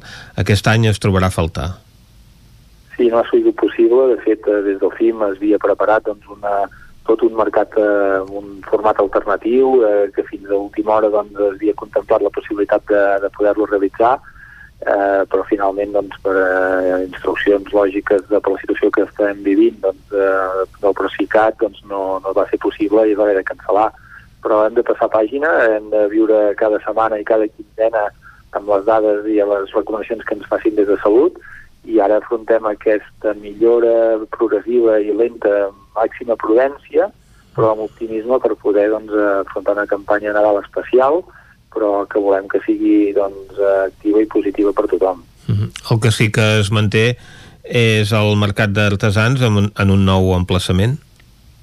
Sí, a data d'avui, evidentment, doncs, com deia, no, haurem d'anar veient cada setmana que passi, no? i cada novetat aquesta desescalada de, de, de finalment a veure com evoluciona, però està previst que eh, poder traslladar el mercat al passeig per tenir més eh, espai de via pública per garantir distàncies i poder-se realitzar setmanalment, eh, eh, si és possible, doncs, fins, a, fins a Reis. Uh -huh. I quina ha estat la reacció del sector comercial de la ciutat a tots aquests canvis en aquests moments tan delicats que passem, a més en una ciutat on doncs, aquestes últimes setmanes eh, les indicacions de, del sistema de salut doncs, eren delicades pel que fa al conjunt de Catalunya, doncs era la comarca amb una situació més delicada pel que eh, respecta als indicadors de la pandèmia, no? Doncs eh, estem vivint moments difícils. De fet, és un tema que ha portat eh, directament a l'alcaldessa i la regidoria de comerç doncs, un diàleg permanent amb el, amb el sector del comerç i amb, i amb tots els sectors eh, productius de la ciutat. No? I des de tot eh, aquests mesos s'ha treballat eh, conjuntament per intentar afrontar eh, aquesta situació tan difícil amb les màximes eh, garanties o recursos que podem comptar com a ciutat. Per tant, s'ha fet aquest treball eh, conjunt i eh, malgrat les dificultats i, la, i evidents i, que, que, que hi són i continuen sent, doncs eh, s'afronta amb optimisme, pensem eh, de manera generalitzada amb optimisme de cara a aquest mes de desembre que, que comença. Mm -hmm. Segurament amb aquestes mesures doncs, que s'aniran adoptant de desescalada en els propers dies, el millor lloc per anar a comprar precisament serà el centre de la ciutat, no? Per evitar aquestes doncs, aglomeracions que hi pot haver en d'altres eh, centres comercials, el, el fet de poder passejar per un espai ampli com és el centre de la ciutat i en botigues més petites segurament serà molt més còmode tant pels clients com també per les pròpies mesures de seguretat que s'han d'adoptar. Correcte, aquesta pandèmia ens ha ensenyat a més a més que el comerç de proximitat i, la, i el, i el quilòmetre zero doncs, és més vigent que mai, no? i eh, d'aquí també aquest eh, llançament d'aquest espot que avui a la tarda doncs, eh, farem per fer una crida que tothom vingui a Vic, perquè Vic es comprarà segur. El centre comercial a cel obert que tenim a la ciutat, amb un escenari magnífic que estarà preparat ja des d'avui mateix doncs, amb tota la il·luminació i tota la decoració nadalenca, és un magnífic centre comercial enorme que abarca tota la trama urbana de la ciutat i per tant fem aquesta crida a venir a passejar pels carrers, a, a comprar i el petit comerç està perfectament preparat per atendre els clients als seus interiors amb les, amb les garanties sanitàries que, que aquests mesos doncs, eh, hem après a aplicar, no? Per tant, eh, una crida a tothom a venir a, aquest centre, a aquest gran centre comercial que és la ciutat de Vic. Mm -hmm. Albert, parlem de la cavalcada de Reis, que és el moment més esperat pels nens d'aquestes festes i que no s'ha volgut doncs, que es perdés, tot i que es reduirà molt considerablement el seguici de ses majestats.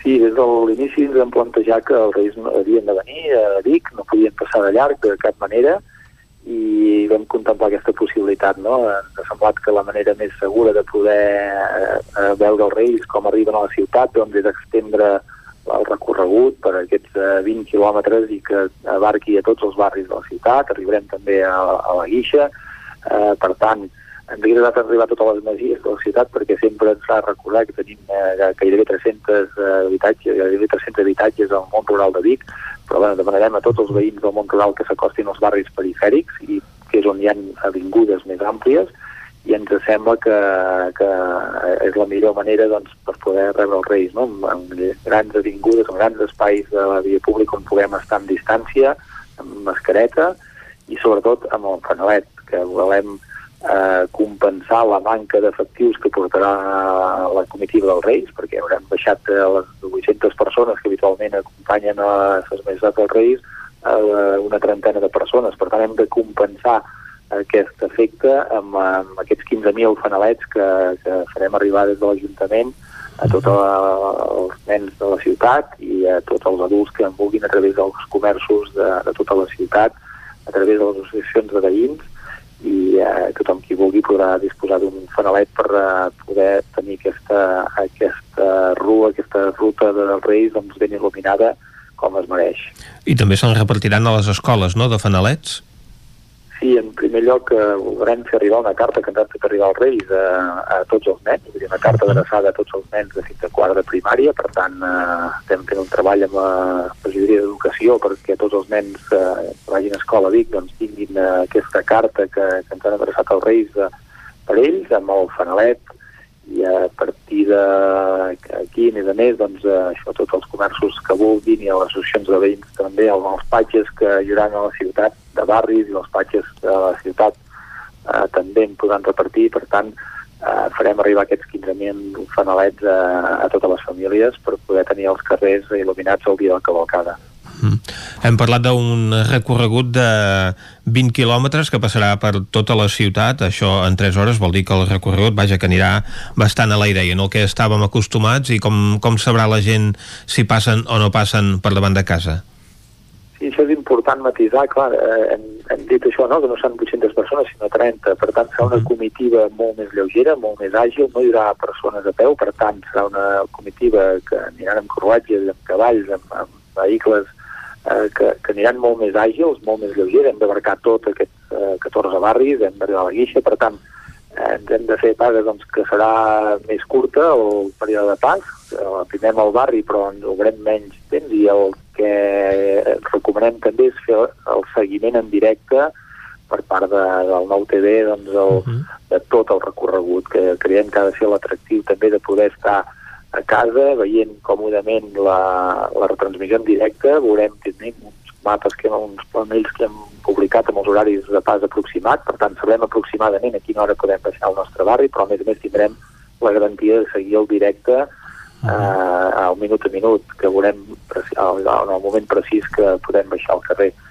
I al final de la cavalcada, la rebuda de, de la, dels Reis per a l'alcaldessa en nom de tots els biguetans, serà en espai tancat, no podem fer una rebuda a la plaça Major multitudinària com ens hagués agradat, però podrem veure també en directe a través de televisió la rebuda que serà eh, per raons sanitàries aquest any doncs, molt especial i en un espai tancat. Per tant, la recomanació és que tothom es quedi al barri, que tothom es quedi a casa dels seus carrers i sobretot que miri la transmissió en directe pel Nou TV que, que serà la manera més, eh, més fàcil i més segura i més atractiva també de veure els detalls de la cavalcada.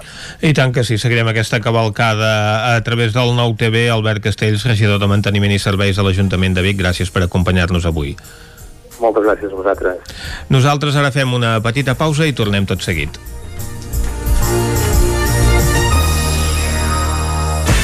El nou FM, la ràdio de casa, al 92.8. Dilluns 23 de novembre, el nou FM celebra 10 anys de ràdio, fent un programa especial a benefici del Banc de Sang i Teixits.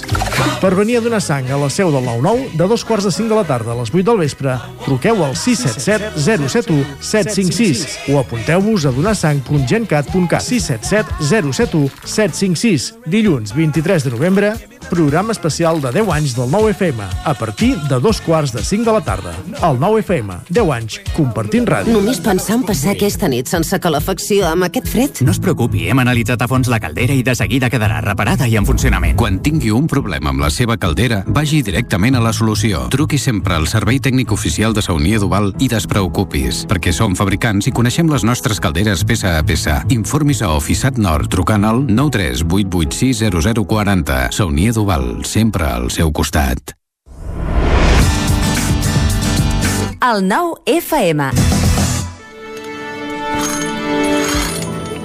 L'Auditori Teatre de Calldetenes presenta Paraules encadenades, de Vitó. El 28 de novembre a les 9 del vespre, Paraules encadenades, a l'Auditori Teatre de Calldetenes. La Fogonera, resistència gastronòmica. És un restaurant? És un rostidor? És La Fogonera, la cuina en directe des de GURB, on encarregues, ho vens a buscar i ara també t'ho portem a casa. La Fogonera, resistència gastronòmica. Ara, amb la fogonera de dia, amb aperitius, arrossos, segons plats i postres. I quan cau la nit, ens transformem en un popurri culinari. Búrguers, pizza, pasta... Truca al 93 851 55 75 o entra a lafogonera.cat. La Fogonera, el teu aliat gastronòmic. Òptica Visual Opti3. Regala qui estimis, visió, salut, protecció, prevenció i moda. Per tu, regala't una revisió visual completa. Visual Opti3, la teva òptica. Ens trobaràs a Facebook, Instagram, visualopti3.com i a la plaça Major 39 de Vic. Cada territori té un atractiu o més d'un. El fruit, el paisatge, la seva gent, les pedres... Camins de l'Eix. Descobrint el capital de terra endins. Camins de l'Eix, dissabte a les 9 del vespre al 9 TV. Aquesta setmana, Montrebei, amb el suport de la Generalitat de Catalunya. 7 milions i mig de futurs. El nou FM, el nou FM, el nou FM, el nou FM. Són dos quarts onze i com cada dia a aquesta hora ens acompanya l'Isaac Moreno per portar-nos l'última hora de Twitter, Isaac. Avui tens en Jomira de tècnic, oi? Sí, senyor. Perquè avui deu ser d'aquells dies que s'ha llevat a les 12 del matí per anar a fer, ai, de la nit per anar a fer cua. Ah?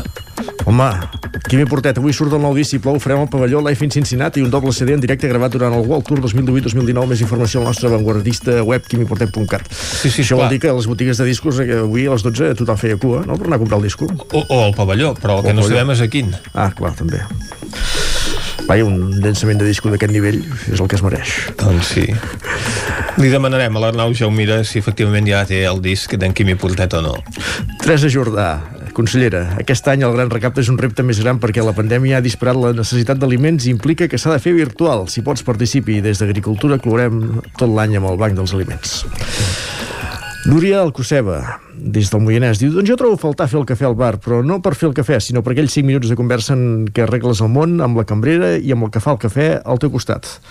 Oh, depèn d'on sigui el Moianès, el que fa el cafè al teu costat pot ser en Pepa Costa, eh? Ah, no, el que et fa el cafè, vull dir. Uh, a partir de dilluns tot resol, en part, això, no? Exacte. No, i sí, de fet, si les cambreres són les que han d'arreglar el món, escolten, doncs benvingudes les cambreres al capdavant del poder, eh? Els farem tertulians, també. Espadamala 3.0, Albert Espadamala, de Drolló, diu el dia 27 de novembre a les 3 de la tarda serem a Quintanes fent una tertúlia professional amb alumnes d'agroramaderia amb l'Ima Puigcorbé, l'Abel Paraire i en Pep Garriga, un servidor, i el nostre estimat realitzador Jaume Sobirana, que enregistrarà la jornada pel canal de YouTube de Pagesos GPS. Doncs vinga. A una de les al·ludides, l'Ima Puigcorbé, que respon, doncs això, anirem als orígens i explicarem el que fem i no fem, i el que ens agradaria i no podem, i el que voldríem i no ens deixen fer, la vida de pagès, ves. Pagesos 3.0, GPS, a dir, pagesos de nova generació, per entendre'ns. Ens fixem en un titular del diari ABC, abc.es, diu Última hora, Nadal a semifinales tras firmar un gran partido ante, Sisipa, ante Sisipas. I la Mireia Genís que respon Sisipas és un cognom que s'hauria de prohibir en temps de Covid. Home, clar, expulses molts aerosols, eh, si, dient Sisipas. Bé. Eh, escolta, cada país doncs, té el seu vocabulari, el seu Correcte. llenguatge i els seus cognoms. Arnau, com a Joan des de Callatenes, cap raó justifica per urbanitzar ni un metre més de carrer a Callatenes després de més de 10 anys amb el xafastre al Torrental i menys de l'absència d'un planejament urbanístic actualitzat. Queda dit.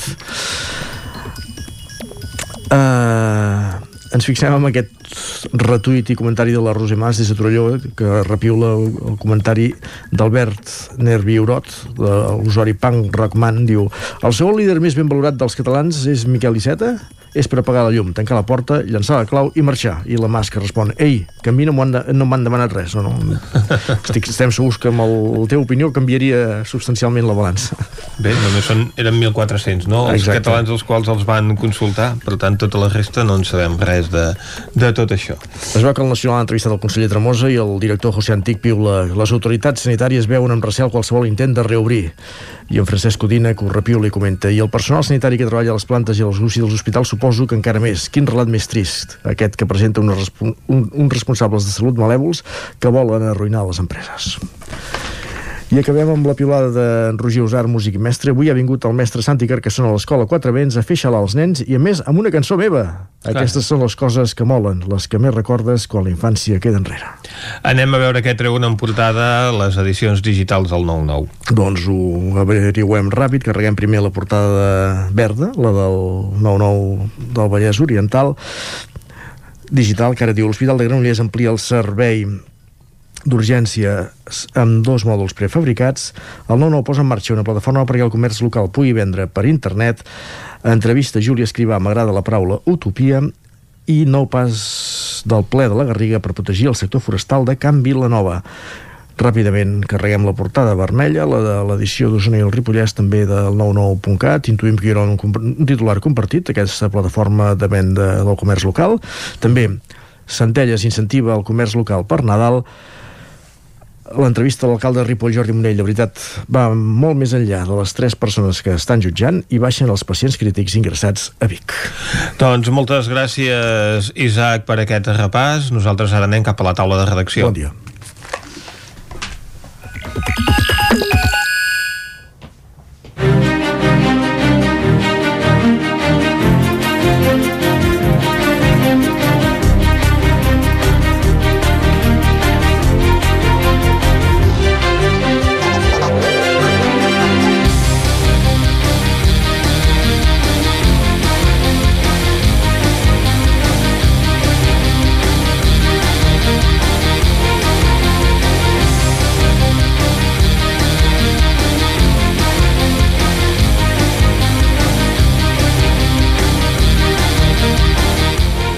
Doncs encetem aquesta taula de redacció avui amb la companyia de l'Isaac Muntades i de la Txell Vilamala. Amb l'Isaac farem repàs de com ha anat aquesta segona setmana del judici del 17A, en què hem vist noves imatges inèdites, Isaac.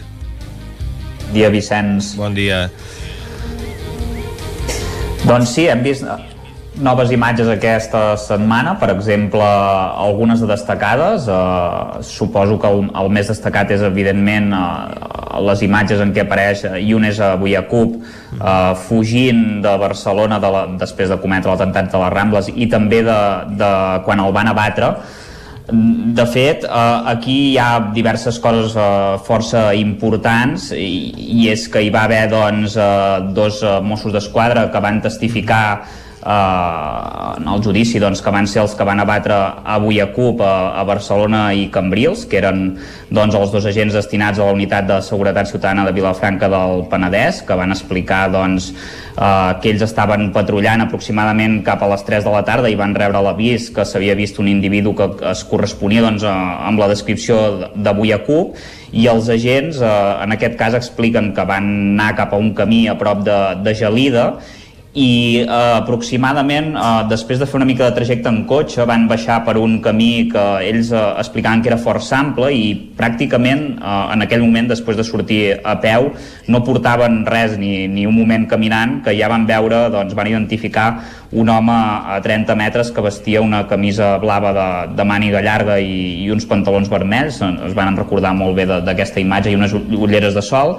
i que evidentment doncs, es tractava de Younes Abuyacup i que va anar tot molt ràpid en aquesta ocasió perquè el, el terrorista doncs, va aixecar-se la camisa i immediatament doncs, va mostrar el famós cinturó d'explosius eh, que en aquest cas després es va saber posteriorment que era fals però en aquell moment evidentment doncs, no, no se sabia i va anar cap als agents eh, cridant-los a l'Ahu Akbar, no? Déu és eh, gran en diverses ocasions, no parava de repetir-ho segons els agents, que evidentment doncs, en la seva declaració se'ls notava eh, nerviosos perquè realment van passar-ho malament en aquell moment. Eh, li van dir que, que s'aturés, que, que, que es tirés al terra, però ell no, no va parar de, eh, de córrer cap a ells i per tant doncs, van haver d'utilitzar la pistola per, per disparar-lo i realment doncs, avui a Cup sí que va caure, va caure després de, de, de ser ferit. Eh, aproximadament van explicar que uns 10-12 metres aproximadament d'ells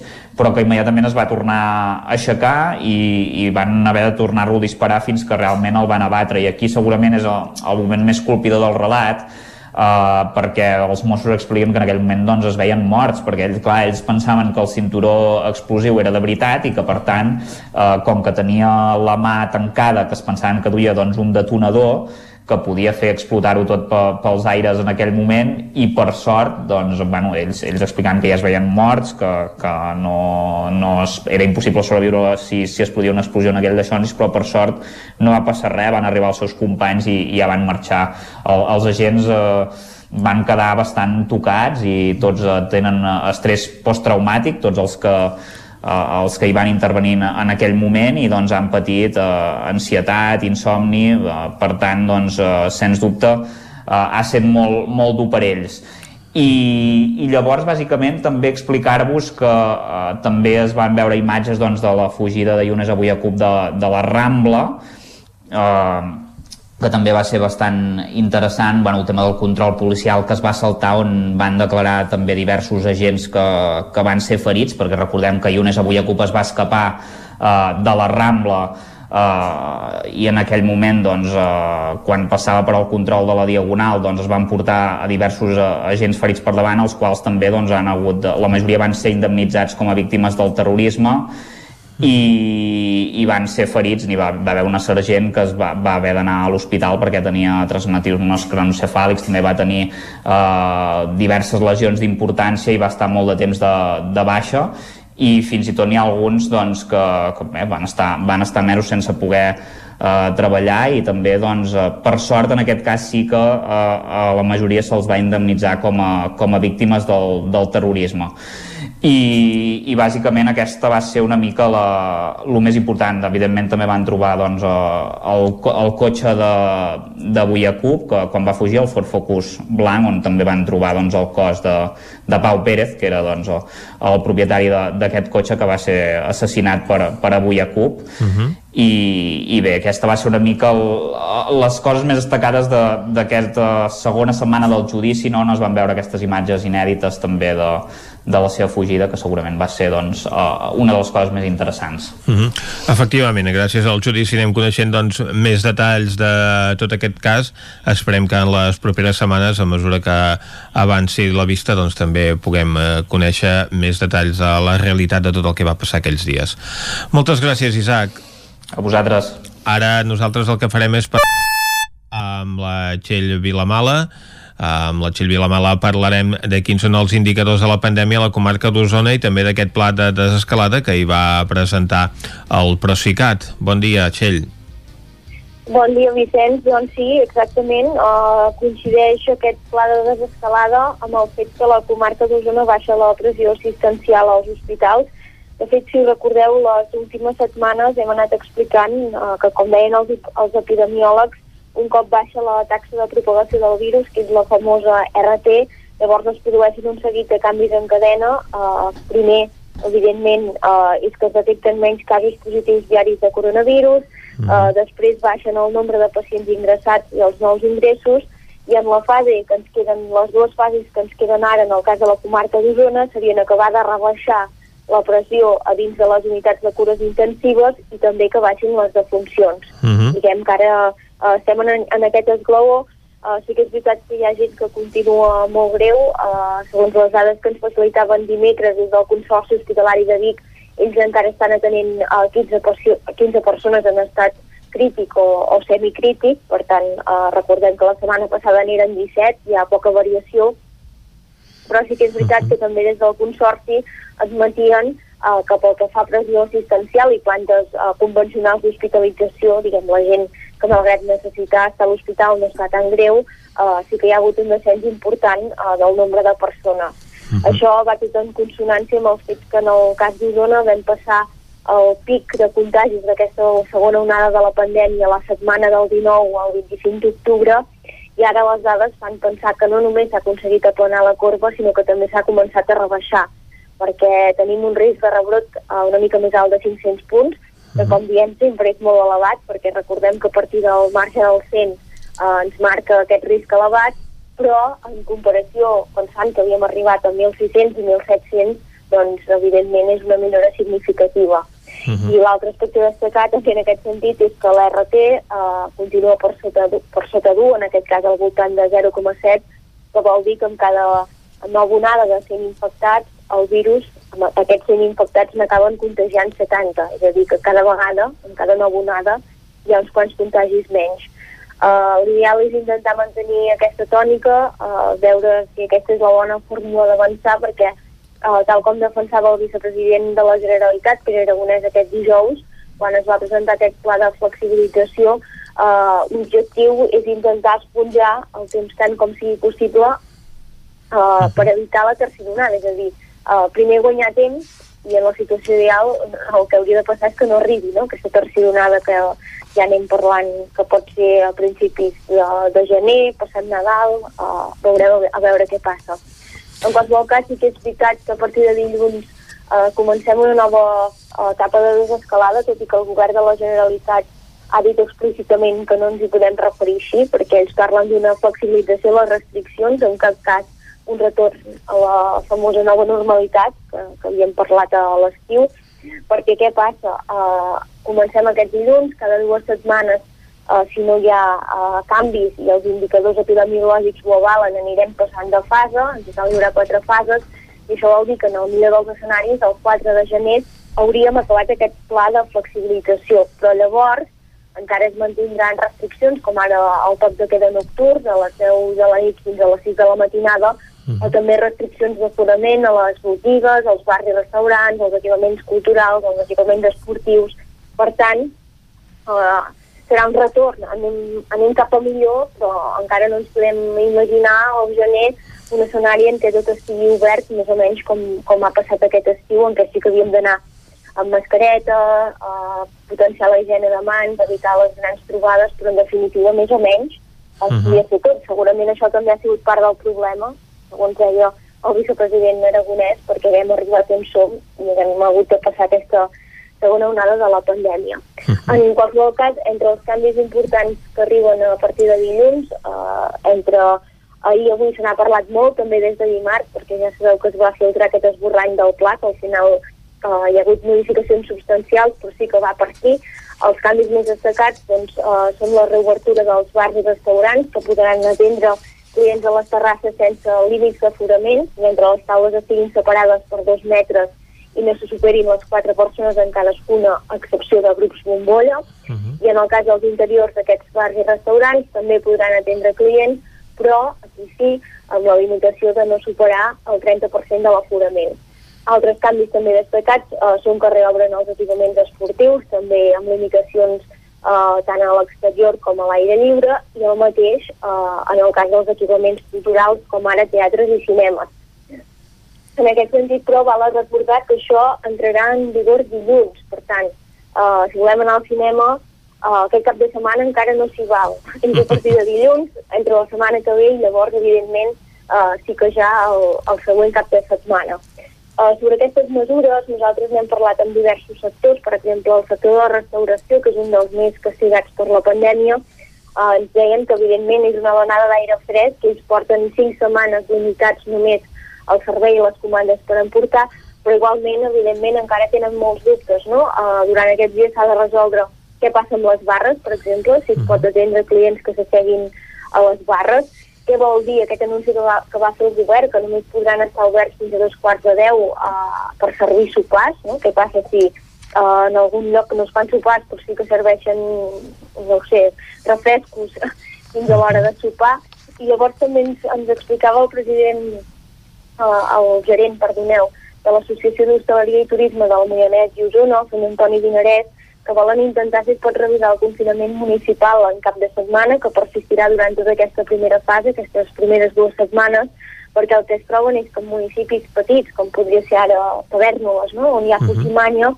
clar, aquests restaurants, eh, diguem-ne que hi vagi tot el poble a dinar, gairebé no els hi surt a compte poder obrir si no hi poden anar persones d'altres municipis, eh? i aquesta uh -huh. mateixa situació també es repeteix en alguns llocs del, al Lluçanès, a la Roca de Taradell, bé, a, a diversos comerços que ens explicava el senyor uh, Dinarès, que estaven amb aquesta casuística que, clar, estan ubicats en, en municipis on hi ha molt pocs habitants. Uh -huh.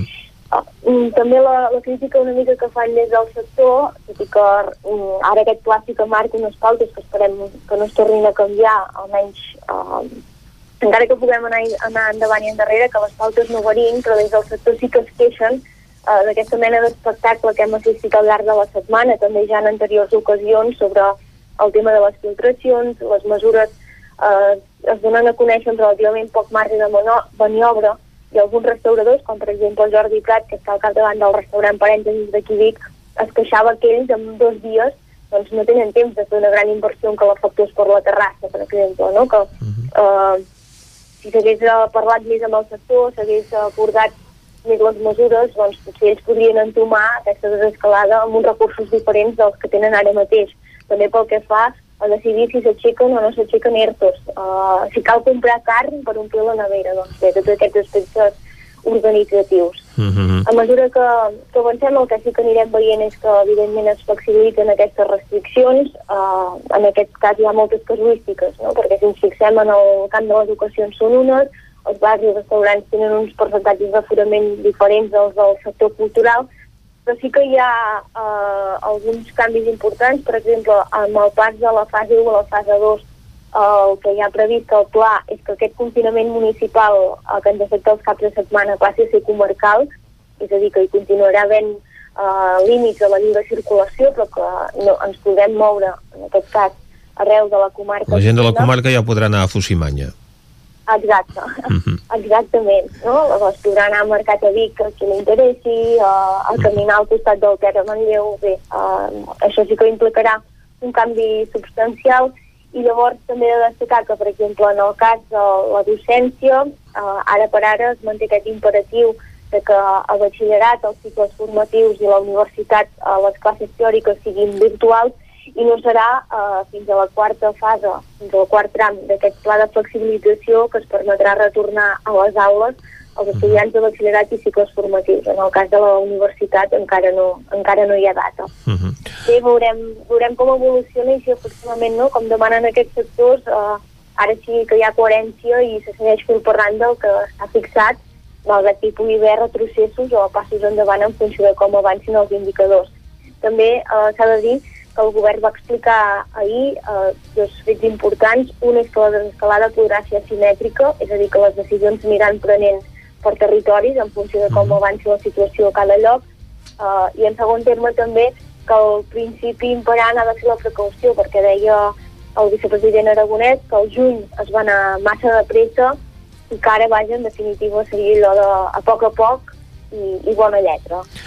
Doncs esperem que a poc a poc i en bona lletra s'arribi fins al final d'aquest pla de desescalada, encara que no en vulguin dir així, però sí de flexibilització de les normes i anem tornant mica en mica amb la normalitat. Moltes gràcies, Txell. Gràcies, Vicenç. Bon dia. Bon dia. Amb la Txell Vilamala tanquem avui aquesta taula de redacció.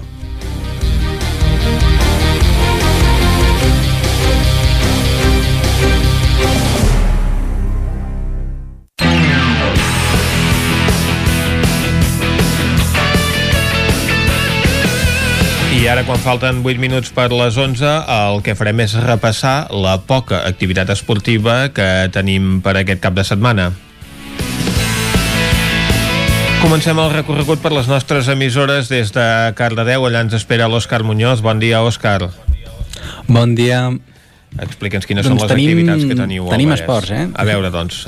doncs sí, mira, les del Fantàstic. CAC 7 jugaran el partit de tornada de l'European Cup uh mhm. -huh. davant de l'Elx diumenge a, les, a dos quarts de vuit al Palau d'Esports de Granollers. Uh -huh. I les Vallesanes disputaran un partit complicat, ja que l'Elx va un petit matalàs de 4 gols d'avantatge. Però el juguen a casa, les segueix... Vallesanes juguen a casa i sí, poden remuntar aquest resultat. Encara que no hi hagi públic, però el fet de jugar a casa sempre ajuda. Sí, sempre es coneixen millor la pista. Uh -huh. uh, per l'altra banda, els homes del Franking eh, de moment no jugaran, però sí que han anunciat el següent partit, que serà de la jornada 15 al 28 de novembre, uh mhm. -huh. que es disputarà contra el Barça. Uh mhm. -huh. Aquests partits es jugaran, es podran veure per Gol Televisió i per la Lliga Esports TV. Molt bé, doncs el un futbol... partit interessant com sempre, el derbi català d'handbol. Exacte. Al futbol, l'Esport Club Granollers, de tercera catalana, grup 5, rebrà la Unió Atlètica d'Horta diumenge a les 12 al municipal del carrer Girona de Granollers. Uh mhm. -huh. Els homes de Víctor Valdés, perquè recordem que ara Víctor Valdés està a la Unió Atlètica d'Horta, uh -huh. eh, venen, de per... sí, sí, venen de perdre davant de la, de la, del Gramenet i es troben just a un punt per sota dels granollerins. Llavors estarà disputat també al camp de, això del camp de Granollers. Un partit de tercera divisió, una de les poques competicions esportives que podem veure que o seguir o que es disputen al nostre sí. país. De natació, primera competició de caràcter estatal per les nedadores del Club Natació Granollers, que uh -huh. el cap de setmana estaran a Castelló per participar al Campionat d'Espanya Absolut d'hivern. Uh -huh. D'aquesta manera, diem, la Palmira Chaparro nadarà els 800 lliures i 200 papallona, l'Estel Joan Galo també participa als 200 papallona, -huh. L'Alba Garcia ho farà al 50 esquena i el bracista Fernando Morillas nadarà totes les proves de la seva modalitat, o sigui, 500, 100 i 200 braça. Uh -huh. Els nedadors han, han accedit a aquesta competició per estar entre els 12 millors marques d'aquest any. Uh -huh. I no sortim de l'aigua per acabar perquè el Club Natació Granollers del Waterpolo eh, disposarà aquest cap de setmana el dissabte justament a les, a les 4 de la tarda el primer partit de la temporada de la primera divisió estatal -huh. que jugaran a casa o sigui, s'estrenen aquesta competició a casa uh -huh. al Waterpolo de Granollers doncs molt bé, moltes gràcies. Celebrem que tornin també les competicions de natació i que mica en mica puguin anar obrint també les piscines recreatives en aquestes eh, fases de tornada a una certa normalitat. Ara nosaltres no ens movem del Vallès, anem a una codinenca on ens espera la Caral Campàs. Bon dia, Caral. Hola, bon dia. Quines competicions eh, tenim aquest cap de setmana? i torna a haver hoquei? Okay? Sí, mira, anem cap a la Hockey Lliga Plata Sur, on tenim el Sant Feliu, que s'enfronta al Club Patí Vilanova demà a les 6 de la tarda. Recordar que el Sant Feliu ve d'un dur correctiu que va tenir el cap de setmana passat en la seva visita a Madrid, on es va enfrontar a les Rozas hi ha un partit aplaçat que tenia contra el Ribas i va perdre amb dos partits. Mm -hmm. I per altra banda, el Rec amb les Ercaldes visita la pista del Mataró dissabte a les 6 de la tarda amb la necessitat de guanyar per no perdre de vista els quatre primers llocs mm, que està ara amb 12 punts. Tot i que els calderins tenen tres partits menys, estan obligats a guanyar contra un rival de la part mitjana baixa de la taula perquè el marge d'error no es faci encara més estret. Uh mhm. -huh. Senyalar que el Mataró ha pujat a primera divisió aquesta temporada, veurem com es desenvolupa aquest partit, i recordem que el Caldes ve de perdre estrepitosament davant el Barça el cap de setmana passat, després d'un període d'inactivitat per tema de coronavirus. I per altra banda, l'equip femení del Vigues eh, s'enfronta contra el Vilassana dissabte per jugar a les 8 del vespre. Eh, comentar que l'equip de Ramon Peralta és quart amb 12 punts i el Lleidatà, marcant l'inici de les places de descens, és eh, cinquè amb 10 punts, per la qual cosa un triomf eh, per les del Vigues suposaria deixar enrere la zona de risc i consolidar-se a la de privilegi tenint encara un partit per jugar. I bé, a comentar que pel que fa al futbol, la Federació Catalana de Futbol en principi uh -huh. ja hauria de mm, rentomar els partits, però seran eh, previsiblement el 4 i 5 de desembre, encara no, i de moment comencen els entrenaments i a, aquí a la Federació Catalana de Futbol, en Futbol 11 tenim el Castell Tarsol, el Caldes i el Sant Feliu. Uh mhm. -huh. Molt bé, gràcies Caral per vosaltres. aquest repàs esportiu. El que fem ara nosaltres és anar a la veu de Sant Joan, on ens espera l'Isaac Muntades. Bon dia, Isaac. Bon dia. Doncs sí, aquí al Ripollès eh, no hi ha massa activitat, eh, d'augment encara, per no dir que, que no n'hi ha. Eh, ja sabeu que aquí no no tenim equips professionals, tampoc hi ha competicions estatals, per tant una setmana més no, no tenim res que explicar-vos, això sí, esperem que a partir de la setmana vinent, amb l'aixecament progressiu de les restriccions, que ja teòricament podran començar eh, suposem alguns entrenaments segons el que s'ha dit eh, fins ara doncs els equips puguin uh, tornar-se a posar a la feina i ben aviat doncs, es reprenguin uh, les competicions, de moment el, es podran reprendre els entrenaments, uh, competicions ja serà més difícil, però bé, esperem que a poc a poc doncs, eh, es pugui tornar una mica a, a la normalitat. Això és el que esperem, Isaac. Moltes gràcies. Esperem que es pugui tornar de mica en mica a la normalitat segons els plans del Procicat, doncs pel que sembla les lligues de futbol i de competicions catalanes es podien reprendre pel gener. Esther Rovira. Bon dia que estan previstes al tram 4 i aquest uh mhm. -huh. començarà almenys a partir del 4 de gener perquè uh -huh. van dir que tots serien de 15 dies però que en alguns casos eh, es podrien allargar si, si les, la situació no millora en alguns territoris en concret per tant uh mhm. -huh. veurem, veurem també com s'acaba de concretar tot plegat eh? uh mhm. -huh. d'entrada sembla que a partir del dilluns 4 s'entraria al TAM 4, per tant aquell primer cap de setmana que seria el 9 o 10 de gener, però s'haurà de veure com, com es concreta tot plegat. Eh? Un mes més tard del que preveia la Federació Catalana de Futbol. Sí, exacte, que primer va dir que es mantenien ferms en començar el cap de setmana del 5 i 6, però ahir al vespre ja van fer un comunicat dient que la situació doncs, era la que era i que s'hauria de començar quan, quan diés la Generalitat. Això vol dir que quedaran molts partits acumulats i s'haurà de veure com es resolen les sí, competicions. segurament s'hauran de reformular calendaris perquè, perquè costarà perquè uh -huh. no s'havia fet una previsió que, que s'hagués de començar tan, tan tard. Bé, Bé el que sí que hi ha són competicions estatals, sí. Esther, què trobarem aquest cap de setmana? Mira, si et sembla, ara que parlàvem de, de futbol, doncs comencem amb, amb el Vic Riu primer femení, de -huh. la primera divisió nacional femenina de futbol, que aquest cap de setmana, després d'una setmana de descans, tal com preveu el calendari del seu grup de competició, perquè hi ha 15 equips, eh, doncs eh, ara sí que, que jugaran i les de José Antonio Ruiz eh, que eh, van perdre en l'últim partit que van jugar contra Levante les Planes per 5 a 1 buscaran recuperar la bona dinàmica inicial on van sumar dues victòries i un empat. El rival d'aquest diumenge és l'Europa que és el de ser classificat uh, amb 5 uh, amb 6 punts volem dir, o menys que les biguetanes que ocupa la vuitena posició uh Mhm. -huh. i uh, un enfrontament que hem de dir que es podrà veure en directe per al nou TV diumenge a partir de dos quarts de 5 de, de la tarda uh -huh. això en el cas del futbol, aquest cap de setmana no hi ha bàsquet perquè igual que dèiem que la setmana passada uh, van, van descansar el Vicriu primer femení en el cas de la Lliga EVA de bàsquet aquest cap de setmana uh, doncs hi ha previst que hi hagi descans uh, perquè els equips uh, que no han pogut jugar algun dels seus partits en les dues jornades anteriors doncs puguin recuperar-lo, és una de les novetats de la Lliga EVA d'aquest any, juguen dues jornades i a la tercera hi ha descans per si algú no n'ha Mhm. pogut jugar un, doncs que el pugui recuperar i el decalatge de partits no es vagi arrossegant durant, durant tantes jornades. Per tant, el Club Bàsquet Vic no juga aquest cap de setmana i on sí que tenim competició i d'entrada amb tots els usonencs que hi competeixen és a les competicions estatals d'hoquei patins, eh, setmanes apretades de competició pel Voltregà Motor a l'hoquei Lliga abans d'acabar l'any per tal de recuperar tots els partits que tenien pendents per les seves quarantenes eh, positius de, de Covid-19. Després del partit de dimecres a l'Oliveres de la Riba contra el Liceu, aquest diumenge els voltreganesos tornen a jugar a casa on s'enfrontaran al Calafell, eh, també jugaran a casa el Taradell i el Vic, els altres dos equips usonencs a la competició, el Taradell que rebrà el Llei de Llista Blava demà dissabte a les 6 de la tarda, mentre que el Vic rebrà l'Igualada eh, també demà dissabte però a les 8 del vespre i en aquest cas hem de dir en el del Vic Igualada que malgrat eh, que sigui l'Igualada i que soni estrany Mhm. són dos rivals directes de la part baixa de la classificació eh? perquè el Vic és el QE amb un únic punt Mhm. uh, però, però això, però l'Igualada és, és penúltim, eh? Aquest any tampoc li van una, bé les coses. Ah, sí, amb una única victòria, per tant, partit rellevant de la part baixa de, de la classificació. En el cas de l'hoquei Lliga Femenina, el líder en solitari del grup A eh, de la competició en ple de victòries en els sis partits que s'han disputat fins ara, torna a jugar aquest cap de setmana a domicili. Recordem que el Manlleu va jugar la setmana passada a la pista del Telecable, que era un dels clars aspirants al títol, i va aconseguir la victòria, i aquest cap de setmana, com dèiem, tornarà a jugar fora a la pista del Girona diumenge a les 4 de, de la tarda. I en el cas del Voltregà que juga al grup B rebran a casa el Sant Cugat que és el seu perseguidor a la classificació.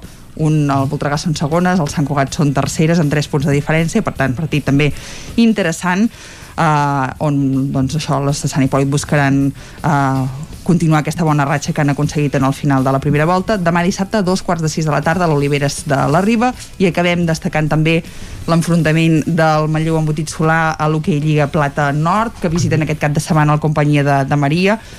Recordem la història del Manlleu, que van Sí, estar sí. un mes sense poder competir perquè per positius dels seus rivals en, la primer, en el primer partit, en l'estrena, van patir una derrota a la pista del Sant Cugat, però el cap de setmana passat a casa contra el Dominicos i contra l'Areces, en el partit que corresponia i a un dels endarrerits van poder golejar i ara tenen ganes doncs, d'això, de demostrar que, que es van posar a to malgrat haver començat molt més tard que, que els seus rivals i aquest partit serà demà dissabte a les 6 de la tarda, com dèiem, a Galícia. Doncs podem veure què en podem esperar d'aquest Manlleu aquesta temporada. A veure. Moltes gràcies, Esther. Vagi Tanquem bé. aquí el repàs a l'agenda esportiva del cap de setmana.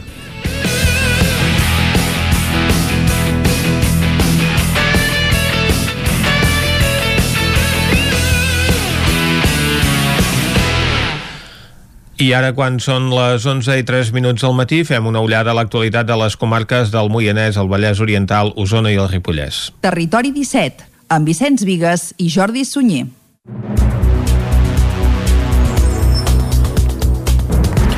La restauració podrà obrir dilluns fins a dos quarts de deu del vespre sense límit d'aforament a terrasses i la cultura ho farà al 50%. Els gimnasos podran reobrir el 30% i hi haurà mobilitat lliure a partir de la fase 3 a l'entorn del 21 de desembre. Bars i restaurants poden obrir a partir de dilluns fins a dos quarts de deu de la nit sense límit d'aforament a terrasses i amb un límit del 30% a l'interior. Cinemes, teatres, auditoris i sales de concert obriran el 50% amb un aforament màxim de 500 persones i també reobriran les instal·lacions esportives a l'aire lliure la meitat de l'aforament i a l'interior interior amb un límit del 30%. Aquestes són les mesures anunciades aquest dijous pel govern en aquest primer tram de desescalada que comença dilluns dels quatre totals que, form, que la formaran. El vicepresident Pere Aragonès insistia en el fet que aquest no és un pla de desescalada com el de la passada primavera no és un pla per recuperar la normalitat, no és un pla per recuperar la nostra activitat quotidiana, encara no.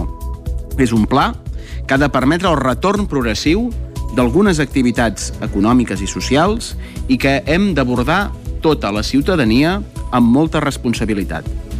La consellera de Presidència, Meritxell Budó, apuntava que les mesures són fruit d'escoltar tots els sectors afectats i pensant a gestionar una doble crisi sanitària i econòmica. Ens hem reunit amb tots els sectors afectats i avui penso que després d'aquest treball, després d'aquest treball conjunt de posar en comú les necessitats sanitàries i també les necessitats dels sectors del nostre país, com a govern fem un primer pla d'obertura d'aquestes activitats que fins ara no estaven permeses. El confinament municipal de cap de setmana passarà a ser comarcal a la segona fase i desapareix a partir de la tercera. També llavors, a l'entorn del 21 de desembre, en el cas que les dades segueixin millorant, s'aixecarà el, tancament, el tancament perimetral de Catalunya. Renfe amplia l'andana de l'estació de Rodalies de Mollet Sant Fos per incrementar la seguretat de l'estació i els usuaris. David Oladell, Ràdio Televisió, Cardedeu. Les obres han de començar el proper dilluns i s'ampliarà l'andana a l'estació Vallesana de Mollet del Vallès. Els treballs permetran allargar l'espai per a viatgers en 200 metres, així com elevar-la per facilitar l'accés als trens. Es tracta d'una primera actuació prèvia al projecte de remodelació integral de l'estació i respon a una llarga reivindicació local. Amb el projecte també es reordenarà l'entrada principal de l'edifici per millorar l'accessibilitat i s'actuarà en l'enllumenat de l'estació i els espais tècnics interiors. El pressupost és de 370.190 euros i les obres duraran uns 5 mesos. Pel que fa al conjunt dels treballs de remodelació, la previsió és que Renfe liciti les obres durant el primer semestre de l'any vinent. Ho farà després dels retards provocats per la retirada unilateral de la companyia que havia de realitzar les obres, com SA. La millora beneficiarà el pas i l'estada dels viatgers en aquesta estació, on abans de la pandèmia passaven uns 10.000 viatgers diaris, segons dades de Renfe. Comencen les obres per arreglar el carrer de les Eres de Ribes de Freser. Isaac Muntades, des de la veu de Sant Joan. Aquest dilluns van començar les obres de millora i pavimentació del carrer de les Eres de Ribes de Freser, que obligarà a tallar el trànsit de la circulació de vehicles durant el temps que durin els treballs, que seran aproximadament d'uns 15 dies. L'alcaldessa de Junts per Ribes, Mònica Sant Jaume, va recordar que l'any 2015 el carrer de les Eres es va fer nou. Precisament, les obres es van acabar just abans de les eleccions municipals guanyades per l'exalcalde Marc Prat i van provocar un munt de crítiques cap al batlle, que aleshores era de Convergència i Unió, perquè acabava en una pendent molt forta. I fins i tot hi ha qui diu que per culpa d'aquestes obres va perdre un dels set regidors que tenia llavors en detriment d'Esquerra Republicana de Catalunya. Sant Jaume explicava que les obres es van executar malament perquè els panots no van quedar ben enganxats i s'aixecaven, es movien i es trencaven. Durant el temps de garantia de l'obra, el contractista no la va arreglar i ara l'Ajuntament s'ha quedat la fiança i l'està executant amb un import de 4.000 euros. Sant Jaume va detallar en què consistirien els treballs. I es fa amb dues parts, la part inicial del carreres i la part final. Això el que permet és que no queda del tot el carrer tancat i els pàrquings que hi puguin haver, doncs aquests primers dies que es fa la part del Casal de Cultura direcció a la plaça del Mercat, poden sortir per la cara nord, pel carrer Núria i avall, i al revés, d'aquí la setmana que ve, quan, quan fagin tota la part del final del Carreres, doncs hauran de sortir en contradirecció per la plaça, carrer Urgell, i fer tota la volta. El més important és que no s'aixecarà tot el carrer per arreglar-lo, sinó que es traurà el panot i la sorra que l'enganxava i es tornarà a posar, però de manera que quedi més sòlid. El consistori de Caldes de Montbui ofereix ajuts econòmics pels estudiants que estan cursant el cicle formatiu de grau superior de termalisme i benestar. Caral Campàs, des d'una Codinenca. L'últim ple de l'Ajuntament de Caldes va acordar aprovar inicialment les bases reguladores dels ajuts econòmics per a estudiants que cursin el cicle formatiu de grau superior de termalisme i benestar. Ho anunciava així el regidor d'Educació, Pep Busquets. De cara a aquest curs 2020-2021, la Regidoria d'Educació volem iniciar l'atorgament de beques per als alumnes que cursin el nou cicle formatiu de grau superior de termalisme benestar. Eh, per tal d'iniciar l'esmentat atorgament, hem de crear una nova aplicació pressupostària amb una dotació de 5.000 euros en concepte de beques de cicle formatiu de grau superior de termalisme benestar. Com ho fem? Doncs de l'aplicació pressupostària de despesa del pressupost municipal 2020 de, del projecte educatiu de Caldes, doncs traiem aquests 5.000 euros i els passem a la nova aplicació pressupostària de, de despeses de beques de cicle formatiu de grau superior. Per què els traiem del PEC? Alguns de vostès ho, ho van preguntar a la comissió informativa, doncs perquè el, el no haver fet activitats degut a l'actual situació sanitària doncs tenim excedent. Segons fons de l'Institut Manol Huguer, el centre educatiu on s'imparteix aquesta formació pionera a l'Estat, aquesta ajuda respon a l'elevat import de les classes que s'ofereixen al Club Natació Caldes, que representaven uns 600 euros mensuals. Des d'Ona Codinenca hem pogut saber que, tot i les negociacions entre el club, l'Institut i l'Ajuntament, no s'ha pogut rebaixar el preu de les classes a les instal·lacions esportives i era inviable inevitable fer pagar un import tan elevat als alumnes. Ara l'expedient de les beques es sotmet a exposició pública durant un termini de 20 dies per tal que es pugui reformular les reclamacions que s'estimin pertinents. Un cop estigui aprovada la convocatòria, l'Ajuntament informarà del període per presentar les sol·licituds dels ajuts econòmics. Aquest Nadal il·lusiona't. És el lema de la campanya de Nadal a Vic. L'Ajuntament la va presentar aquest dimecres juntament amb les novetats a la 77a cavalcada de Reis adaptada a les circumstàncies actuals. Sota el lema de que Nadal il·lusiona, Vic comprarà segur, l'Ajuntament vol promoure la compra segura i de qualitat. Amb aquest objectiu s'ha fet un spot que s'estrena aquest divendres al Nou TV. Anna R. és l'alcaldessa de Vic.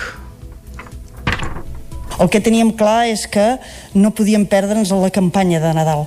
Per nosaltres, i d'aquí aquest eslògan de que eh, el Nadal a Vic ja és aquí i el Nadal a Vic serà segur. Eh? Per nosaltres, aquesta és una prioritat i que demostra una mica també eh, el, el, que volem, el que volem que entengui i que s'ha anat entenent durant tot aquest temps, eh? que és aquesta cadena de seguretat i de corresponsabilitat que hem de fer entre tots. En una roda de premsa que va tenir lloc aquest dijous, l'Ajuntament va presentar les novetats de la cavalcada, que tindrà un nou format degut a la pandèmia. Per evitar aglomeracions, es farà un recorregut de 20 quilòmetres pels diferents barris de la ciutat. Com a novetat, es repartiran 15.000 fanalets per il·luminar la ciutat, 5.000 dels quals es distribuiran a les escoles de la ciutat. A més, la cavalcada es retransmetrà íntegrament en directe amb un desplegament de mitjans sense precedents que es podrà seguir a través del nou TV i la pàgina web de l'Ajuntament. Albert Castells és el regidor de Serveis i Manteniment de l'Ajuntament de Vic. Volem garantir que les persones, les famílies, els nens que estiguin en quarantena aquelles dates doncs, puguin veure, així com els col·lectius de risc. Per tant, demanaríem primer aquests col·lectius doncs, que no baixin al carrer, sinó que eh, puguin veure còmodament des de casa la, la cavalcada. També remarcar doncs, que no tindrem un acte públic a la plaça Major ni cap acte institucional públic obert a la via pública, per tant doncs, eh, hem de reforçar aquest missatge de que tothom es quedi eh, al barri, que tothom es quedi a casa seva a veure doncs, el, el tram final de la cavalcada perquè serà retransmesa en directe.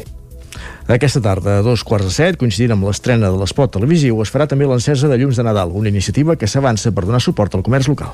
El cantautor biguetà Quimi Portet estrena disc i ho fa per partida doble.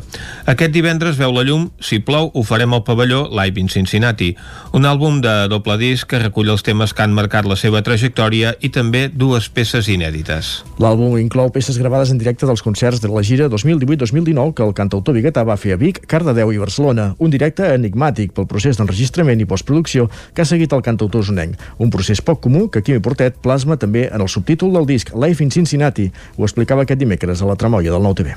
Bueno, com que és un disc en directe raro i una mica, um, i una mica esotèric i tot això, pensava que el títol ho havia d'explicar d'alguna manera, no? Perquè si plou farem el pavelló, doncs que quedes una mica inalvis. I Live in Cincinnati em sembla que és exactament una mica el que és el disc, no? És un disc que és en directe, de veritat, ho és, certament, però és un directe doncs, una mica marciano, no? Uh -huh. I tant marciano com per posar live en una ciutat que no hi hem estat mai. El nou disc inclou una selecció de temes que repassen la trajectòria de Portet amb una versió nova de la Rambla, però també amb dos temes nous. Bueno, amb l'esforç que costava fer un disc, la portada, les mescles i tot això, com que jo composo sempre, estic composant, poc o molt, sempre vaig fent cançons, les cançons que hi havia a l'obrador aquells dies, que estava fent la postproducció, vaig dir les hi posaré, vam parlar-ne, i penso que també queda molt més maco, no? un disc que no, no tot el, el material és eh, documentació de material antic, sinó que a més hi ha dues peces inèdites fetes ara concretament, em semblava que acabava de rodonir una mica el disc i m'agrada molt que hi sigui. El treball que surt aquest mateix divendres també inclou clàssics de Quimi Portet com Tinc una bèstia dintre meu o Flors i violes. I fins aquí aquest repàs a l'actualitat a les comarques del Ripollès, Osona, el Vallès Oriental i el Moianès que hem fet amb l'Isaac Moreno, en David Auladell, la Caral Campàs i l'Isaac Muntades. Ara nosaltres el que farem d'aquí un moment és escoltar un clàssic musical.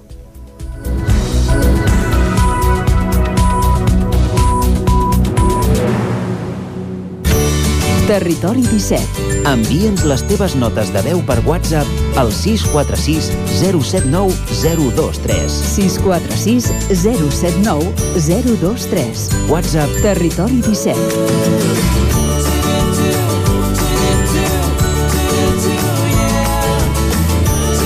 Territori 17. Som a Facebook, Twitter i Instagram amb l'usuari Territori 17.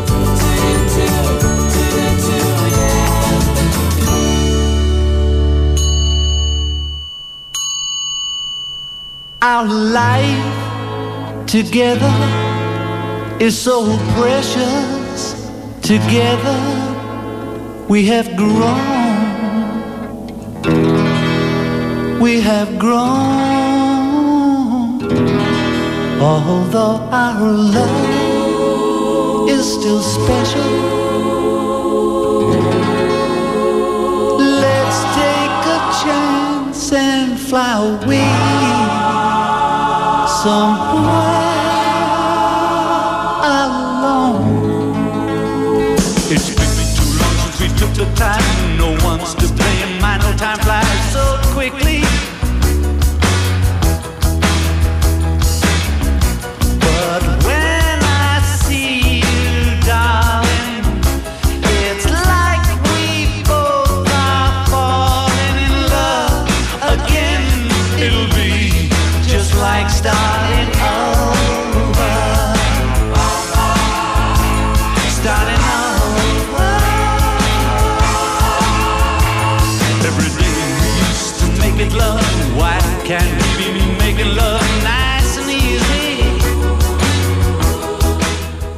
com us dèiem, arriba l'hora dels clàssics musicals. Jaume, avui quin clàssic clàssic que ens has portat, oi?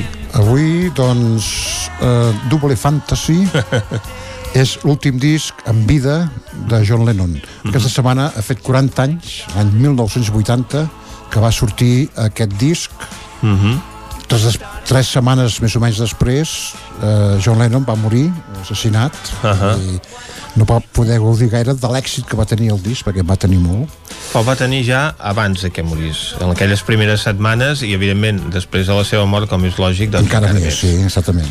Eh, el disc té un problema per a molta gent, per mi no, eh? Però per molta gent té un problema, que no és el disc Double Fantasy de John Lennon, sinó és Double Fantasy de John Lennon i Yoko Ono. I hi ha molta gent que la Yoko Ono ja ho, sab, ja ho saps, Sí, doncs, sí. la Yoko Ono és com el dimoni. A mi, eh, sincerament, hi han coses que ha fet, discos que no compraria ni, ni, ni, ni borratxo, no? Mhm. Però quan grava algun disc i canta alguna cançó eh, amb, el, el, amb ella, ella de, del John Lennon a mi ja m'agrada, m'està bé de fet aquí eh, van a, a, a, per ells eh? vull dir canten els mateixos, les mateixes cançons el John Lennon, que, el mateix número de cançons el John Lennon que, que la Yoko Ono O sigui que es fan ben repartit. se van repartir, sí, sí Mhm. set cada un més, set cada un eh, que ara escoltarem una de d'ella d'ella eh, una que es diu Kiss Kiss Kiss que no sé si vols saps què vol dir petó, petó, petó Mhm. eh, doncs aquí la Yoko Ono i els seus crits i la seva veu una mica estranya. I composta per ella eh, com, per ella. Tota la cançó, la lletra i la música. sí, sí, totes les cançons les compon elles. Escoltem, doncs, a Yoko Ono.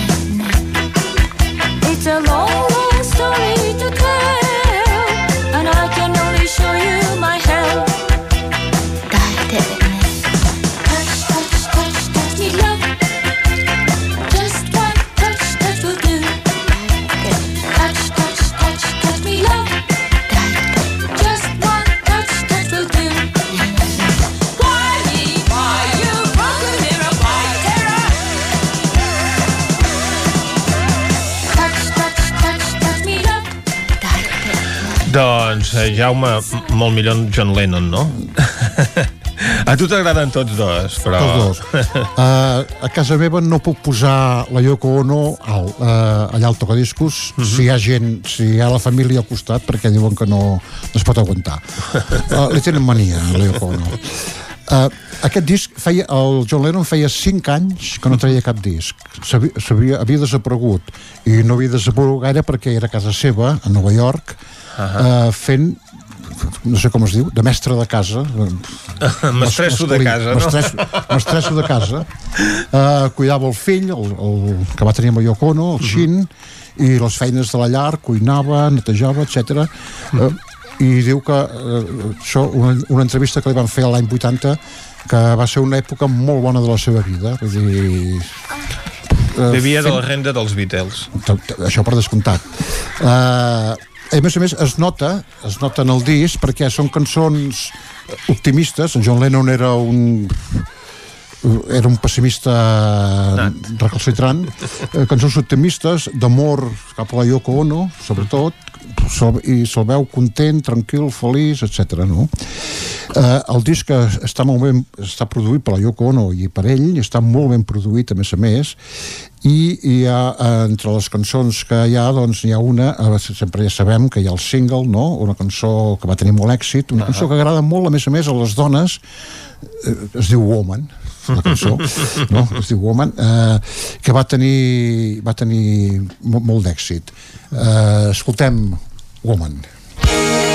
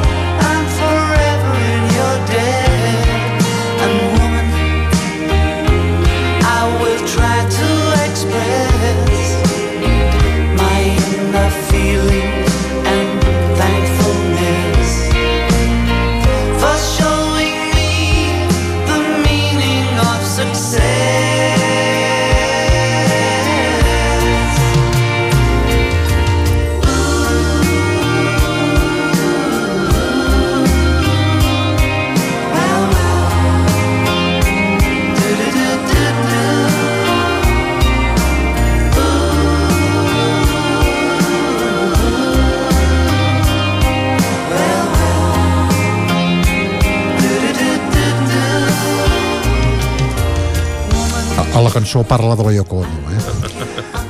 Una cançó que va sonar molt. Sí. Bueno, ja sabem que va morir el, els 40, tenia 40 anys, va morir al cap de 3, mesos, ai, 3 setmanes de treure el disc, aquest disc, el 8 de I ara en desembre. tindria 80. Ara en tindria 80, exactament. El temps passa volant, sempre ho dic jo, eh, vull dir, sempre ho dic. Uh, encara va, va sortir un altre disc de, del John Lennon, uh, Milk and Honey, a l'any 84, 4 anys després. I això? és que tenia és un disc que no està bé eh, no està, bé, no està acabat mm -hmm. es nota que falta producció però eh, el tenir, tenia cançons gravades doncs eh, no, no és que els, els ressuscitessin ni molt menys sinó tenia cançons gravades i sense tocar gaire res doncs el van treure perquè com que el John Lennon dius aquest vendrà segur però no, és un disc que no compta gaire a l'original del disc el, eh, que,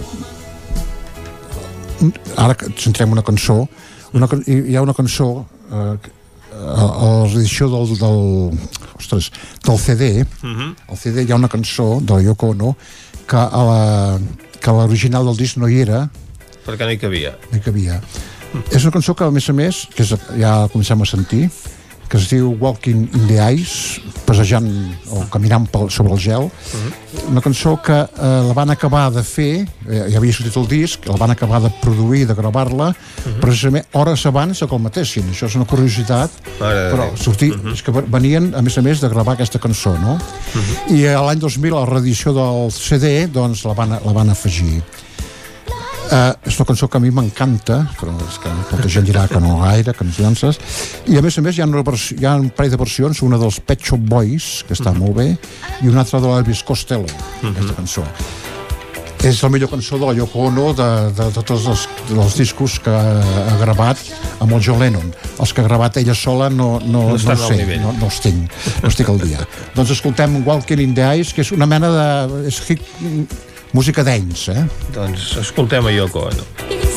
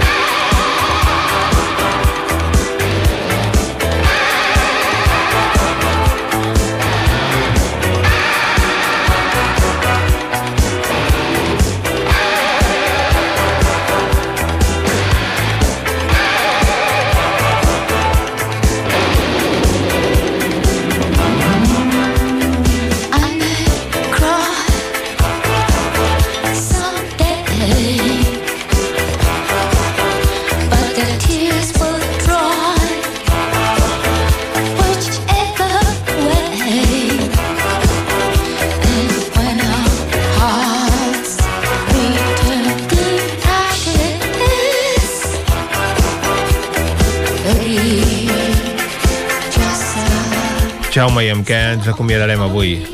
Uh, amb una cançó de John Lennon, sembla bé. Uh, uh, abans volia dir que uh, només he estat una vegada a Nova York. Uh -huh. Tu no sé quantes. No, no, no hi he he estat. mai. Sentim la Yoko com crida? Sí. Sí. doncs eh, vaig, on vaig anar? Al Central Park a veure el monument que hi ha dedicat a, a davant de l'edifici de, de Cota on el van matar, dedicat al John Lennon. I escoltarem el John Lennon, doncs, per acomiadar-nos en Watching the Wheels, mirant les rodes. Doncs amb John Lennon acabem avui aquesta secció de clàssics musicals que avui hem dedicat al seu últim disc que va compartir amb la seva dona Yoko Ono. People say I'm crazy.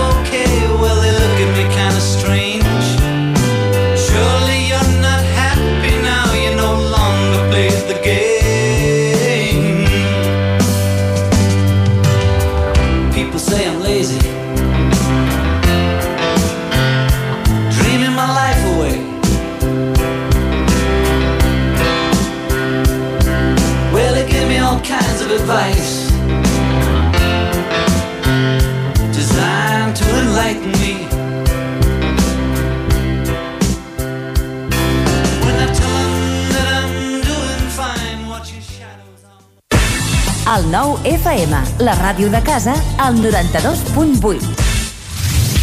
El nou FM. Dilluns 23 de novembre, el nou FM celebra 10 anys de ràdio, fent un programa especial a benefici del Banc de Sang i Teixits.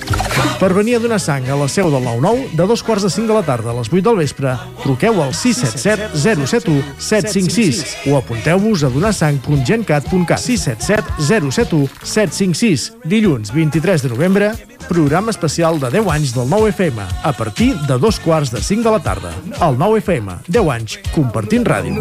Cobertes serveis funeraris. Els nostres tanatoris estan ubicats en els nuclis urbans més poblats de la comarca d'Osona per oferir un millor servei. Tanatori de Vic, Tanatori de Manlleu, Tanatori de Centelles i Tanatori de Roda de Ter. Sabem que són moments difícils i per això el nostre compromís és atendre-us en tot moment amb un tracte humà, sensible i respectuós. Cobertes serveis funeraris. Telèfon 24 hores 93 883 23 46. Cada territori té un atractiu o més d'un. El fruit, el paisatge, la seva gent, les pedres... Camins de l'Eix. Descobrint el capital de terra endins. Camins de l'Eix, dissabte a les 9 del vespre al 9 TV. Aquesta setmana, l'Alt Urgell, amb el suport de la Generalitat de Catalunya. 7 milions i mig de futurs. Anuncia't al 9FM. La màquina de casa. 9 3 8 8 9 4 9 4 9. Publicitat arroba al 9FM.cat. Anuncia't al 9FM. La publicitat més eficaç. No em trec la imatge dels nens amb cara de velocitat baixant per la pista vermella. Sí, molt divertit. I quin fred. Uh. Tranquil·la, he deixat l'estufa encesa i, la casa està calenta. Sempre tenim sort de comptar amb Corretja. Són especialistes en aïllaments i estufes. Acabar la jornada d'esquí amb la família al voltant de l'estufa i amb aïllaments de primera és 100% corretja. Corretja. Tot i més a corretja-sl.com. L'Auditori Teatre de Call d'Atenes presenta Paraules encadenades, de Vitó. El 28 de novembre a les 9 del vespre, Paraules encadenades, a l'Auditori Teatre de Call d'Atenes. Cada territori té un atractiu o més d'un. El fruit, el paisatge, la seva gent, les pedres... Camins de l'Eix. Descobrint el capital de terra endins. Camins de l'Eix, dissabte a les 9 del vespre al 9 TV. Aquesta setmana, Montrebei, amb el suport de la Generalitat de Catalunya. 7 milions i mig de futurs. El nou FM, el nou FM, el nou FM, el nou FM.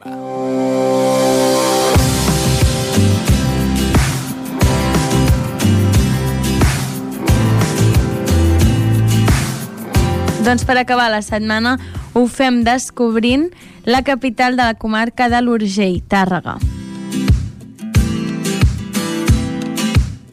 A la vall del riu Ondara, on els antiplans de la Sagarra donen pas a les terres planes de l'Urgell i el terme municipal de Tàrrega, que comprèn també els pobles del Tet, Claravalls, la Figarosa, el Talladell, Riu d'Abelles, Santa Maria de Montmagastrell i el nucli deshabitat de Conill. El terme té una forma rectangular nord-sud desdibuixada a l'indret de Santa Maria, que s'estén cap a Tramuntana i també a ponent al terme de Claravalls que s'endinsa en forma de punxa cap a les terres regades pel canal d'Urgell. Gràcies a la seva ubicació geogràfica, la ciutat ha estat sempre un important enllaç de comunicacions. L'activitat econòmica és actualment diversificada entre els diferents sectors. Els més importants són les indústries metal·lúrgiques, les d'olis i les de distribució comercial. Tàrrega és la capital de la comarca de l'Urgell i acull tota mena de serveis i iniciatives en els àmbits de l'ensenyament, el comerç, la sanitat, la cultura i l'esport. Dins la plaça Major de Tàrrega hi els edificis més emblemàtics. L'església és de línies classistes i va ser finalitzada l'any 1742. Va ser declarada bé cultural d'interès nacional l'any 2017. L'edifici de l'Ajuntament té una façana d'inspiració barroca que data de l'any 1674 i cal destacar-ne l'escull municipal esculpit a la pedra. La creu de terme és gòtica i data del segle XV. És d'una gran bellesa i destaca per les seves figures esculpides i treballades al detall. L'original es guarda al Museu Comarcal de l'Urgell. Les restes del castell de Tàrrega vetllant la part alta de la ciutat com si d'una sentinella es tractés. Els seus inicis daten l'any 1056, quan Ramon Berenguer I li va oferir com a dotalici a la seva esposa Almondis. La població va anar creixent a redós de l'edifici castral. Vers el segle XIV va començar la seva decadència amb les diferents batalles i conflictes. L'any 1949 va ser declarat bé cultural d'interès nacional. I avui acabo amb el carrer del Carme. Aquest carrer assoleix una especial personalitat pels seus porxos i per la imponent presència del campanar. El Palau dels Marquesos de la Floresta és un edifici del segle XIII que té la façana d'estil romànic civil i és curiós que està reproduït al poble espanyol de Barcelona. L'any 1980 va ser declarat també bé cultural d'interès nacional, integrat dins el conjunt artístic. Al davant d'aquest palau es pot apreciar el conjunt de finestrals gòtics de la Casa Sovelles. Territori 17. I després de conèixer la comarca de l'Urgell, on ens ha portat aquesta setmana la Núria Lázaro, nosaltres ara anem a escoltar a l'Isaac Muntades, que ens parlarà dels tortuosos camins de la R3. A Tren d'Alba. Cada dia els usuaris de la línia R3 de Rodalies que veuen sortir el sol des d'un vagó ens expliquen les gràcies i les penes del primer comboi que uneix Ripoll i Barcelona. Benvinguts a Tren d'Alba. Doncs bé, avui us ampliaré una denúncia que ha fet el col·lectiu perquè no ens fotin el tren i és que aquesta plataforma demana al govern i al Departament de Territori i Sostenibilitat de la Generalitat de Catalunya que rectifiqui i torni a posar en circulació els sis trens que es van eliminar a començaments de setembre entre Granollers i l'Hospitalet de Llobregat. Des d'aquest col·lectiu consideren inacceptable que, tal com anunciava aquesta setmana el conseller Damià Calvet, es construeixi un tercer carril a la C-17 en els dos sentits a l'alçada de Parets del Vallès i alhora s'hagin eliminat sis trens de l'R3 que precisament cobreixen aquest mateix tram. L'aplicació de la zona de baixes emissions a Barcelona, el pla d'actuació de qualitat atmosfèrica desplegat pel propi departament i la pandèmia fan que sigui més necessari que mai disposar d'una oferta àmplia de transport públic. Però bé, ja veieu que hi ha molts contrasentits. Dilluns us acabarem d'explicar el que reclama i les queixes del col·lectiu en aquest tema. Ja ho veieu que l'R3 sempre té problemes. Un dia en farem una trenovel·la. Va, ens retrobem dilluns i recordeu que ja portem un retard acumulat de 5 hores i 33 minuts des de l'inici d'aquest mes de setembre.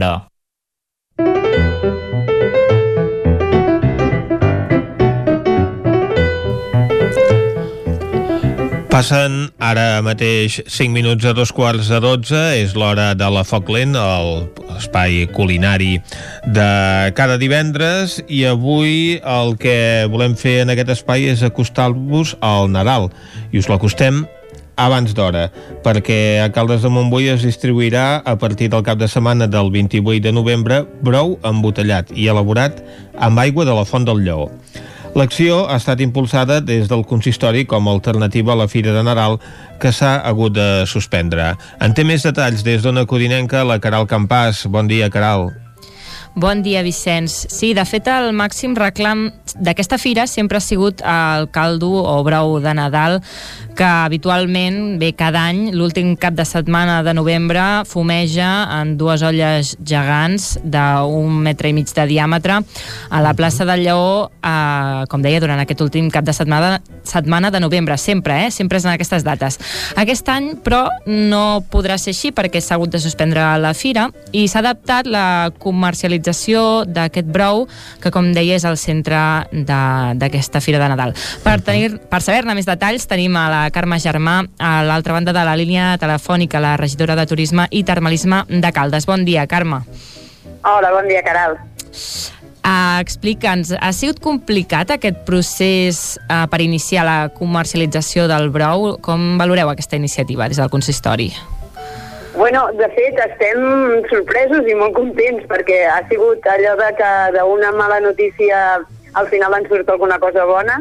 Ja veiem a venir que el, seria molt difícil fer el brou a la plaça aquest any com el fem cada any, sempre, sempre l'hem fet allà però eh, que seria complicat per tota la, la situació que estem vivint. Llavors, vam intentar buscar una manera de tenir de, igualment brou termal, però de que no l'haguéssim de fer nosaltres, sinó que ens el fes algú i ens el pogués embotellar amb totes les, les garanties de, de salut, de qualitat, de, de, de que es conservés. I vam trobar a l'Esteve Garriga, que és un, un noi de Caldes, un noi de la meva edat, per tant ja no és tan noi.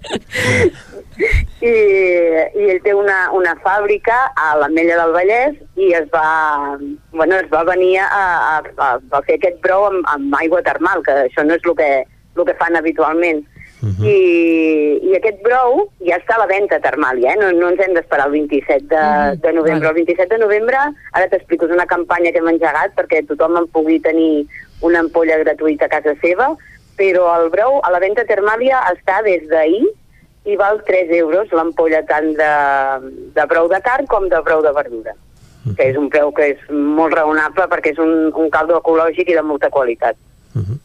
Per tant, la distribució ja s'ha iniciat i, i com es farà? Únicament a través d'aquest punt de venda o hi ha altres alternatives? De moment, eh, el caldo es ven, o sigui, el brou termal es ven des de Termàlia, des del museu, des, del, des de l'oficina de turisme Museu de Caldes de Montbui.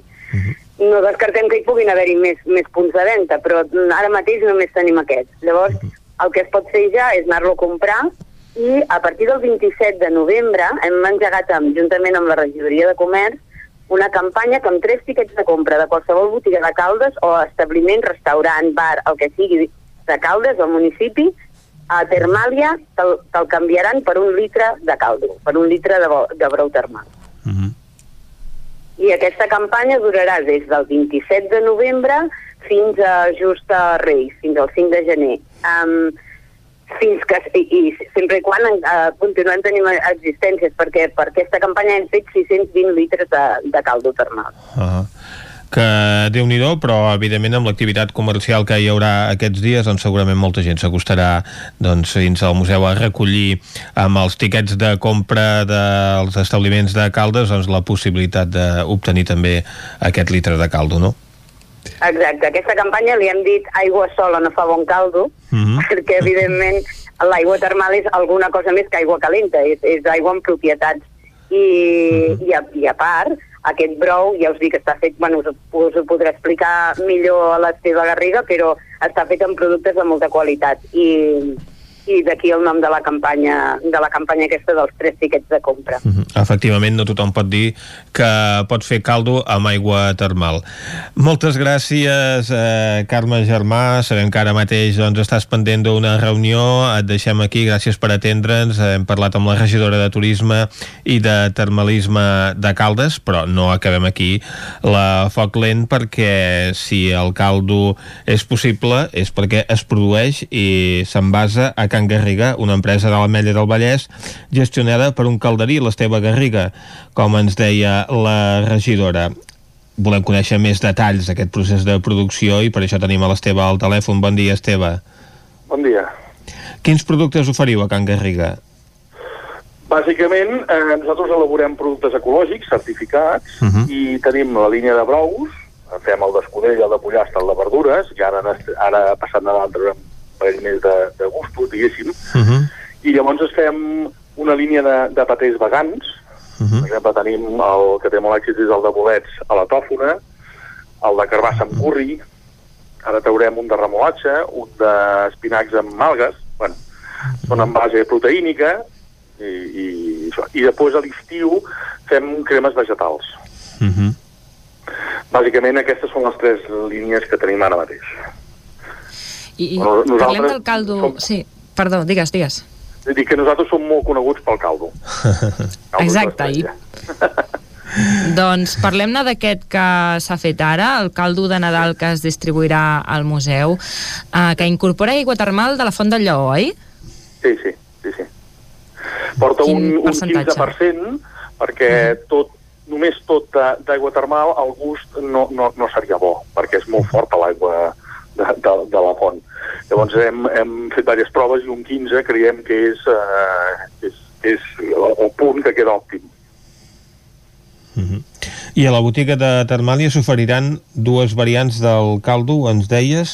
Explica'ns una mica el procés de, de producció de tot plegat. Sí, eh, nosaltres intentem, intentem, perquè no sempre és possible, comprar els productes de proximitat a, a petits productors que ja tenen la certificació. Uh, per exemple, la, la carn de, de pollastre ve d'Osona, la carn de porc ve de la Garrotxa i la carn de vedella també ve de la Garrotxa. Perquè aquí, en aquesta àrea no, no, no trobem un proveïdor que ens pugui donar la quantitat que nosaltres demanem. Però la verdura, sí, per exemple, estem comprant a un proveïdor de, de, de Santa Eulàlia, on hi ha un altre a Cardedeu. Llavors, ho recepcionem, sempre, nosaltres sempre treballem en producte fresc, nosaltres els dimarts i els dijous recepcionem la matèria prima i en base aquí anem elaborant. Llavors, eh, evidentment, rentem, pelem la, les verdures i les incorporem i fem una, unes bullides de, de dues hores i mitja. Després el colem, perquè no hi hagin doncs, trossets de carn o trossets de verdura. Uh -huh. Sembla que hem perdut aquesta connexió ara mateix amb l'Esteve Garriga de Can Garriga de l'Ametlla del Vallès. No sé si és possible escoltar-lo.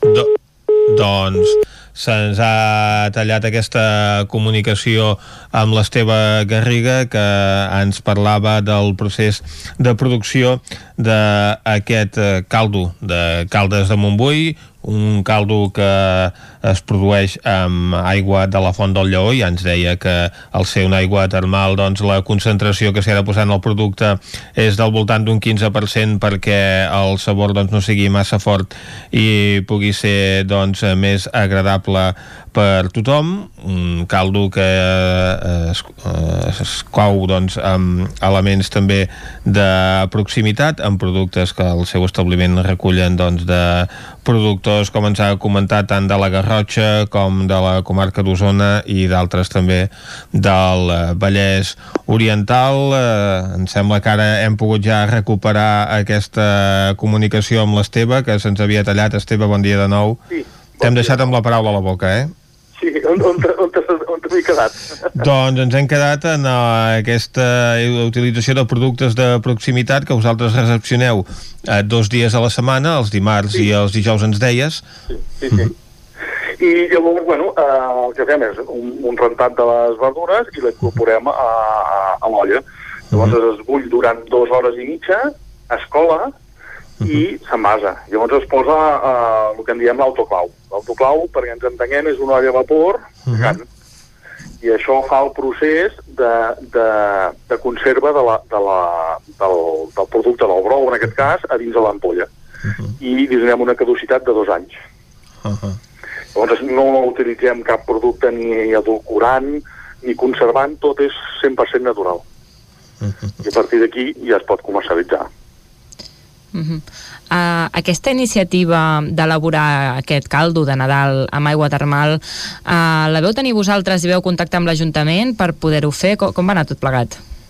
Mira, eh, l'altre dia reiem perquè fa 3 anys que vaig presentar aquesta, aquesta idea. El que passa és que el dia que teníem la reunió final va passar el tema de, de, de la Conselleria d'Economia amb el Cuixart i el Sánchez. Carai. I teníem la reunió a les 12 i et truquen i diu, escolta'm, uh, hi ha un problema i el, el regidor ha de baixar a Barcelona i es va anul·lar. I llavors, bueno, va, va quedar parat. I ara s'ha trobat, diguéssim, entre cometes, la- la- l'excusa de dir, bueno, no es pot fer això, uh, mm, provem uh, uh, de fer-lo envasat amb, amb, amb, uh, amb, amb petita quantitat per provar aviam com funciona perquè jo, quan ho vaig presentar, vaig pensar, és una bona idea fer un brou termal, bueno, eh, em semblava que mm, podia ser, podia funcionar. També, eh, el de sempre, no? Eh, jo sempre he treballat fora i, bueno, doncs era una manera que vaig trobar de col·laborar una miqueta amb el poble. I, i bueno, doncs ara eh, ens, ens, hem, ens hem posat les piles tot, totes les parts i ha, ha sortit el, el brou termal. Perquè, Esteve, efectivament no tothom pot dir doncs, que té a la venda un brou fet amb aigua termal, però a part d'aquesta especificitat, detecteu un, un major interès per part del consumidor per productes doncs, naturals i de proximitat? uh, ja, ja venia creixent. Uh, de fet, jo uh, uh, uh, abans feia les dues línies, diguéssim, ecològic i convencional, que en diem, i ja fa uns 4 anys que només faig ecològic. Ecològic no vol dir que, eh, que, que sigui millor, perquè hi ha productes eh, naturals, de proximitat i artesans que no són ecològics i són ben bons. Però bueno, nosaltres una miqueta el segell sí que et dona un punt de, de, de valoració per sobre, no? Però amb la pandèmia eh, això s'ha disparat. Sí, sí, està, està, la gent ho valora molt més.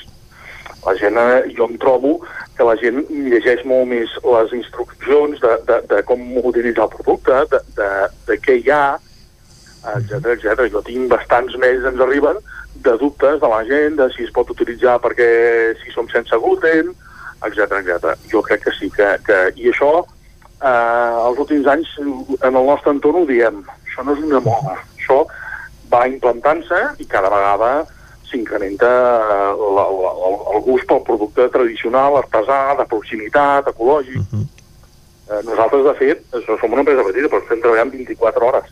Carai. I estem fent brou 24 hores des de mitjans d'agost i tenim previst acabar per Sant Joan. Déu-n'hi-do. Perquè el brou es ven tot l'any. Nosaltres a l'estiu, Mhm. aquest estiu, hem trencat estoc de brou de pollastre, que no ens havia passat mai. Uh -huh. Nosaltres l'estiu deixem de fabricar perquè fabriquem llavors els patés, les cremes, Uh -huh. tinc una miqueta d'estoc. Sí, sí. l'hem acabat, perquè nosaltres pràcticament, eh, bueno, el, el brou termal el vam fer dilluns Uh -huh. i el vaig entregar dimarts i està recient fet. Nosaltres entreguem els productes molt recient fets.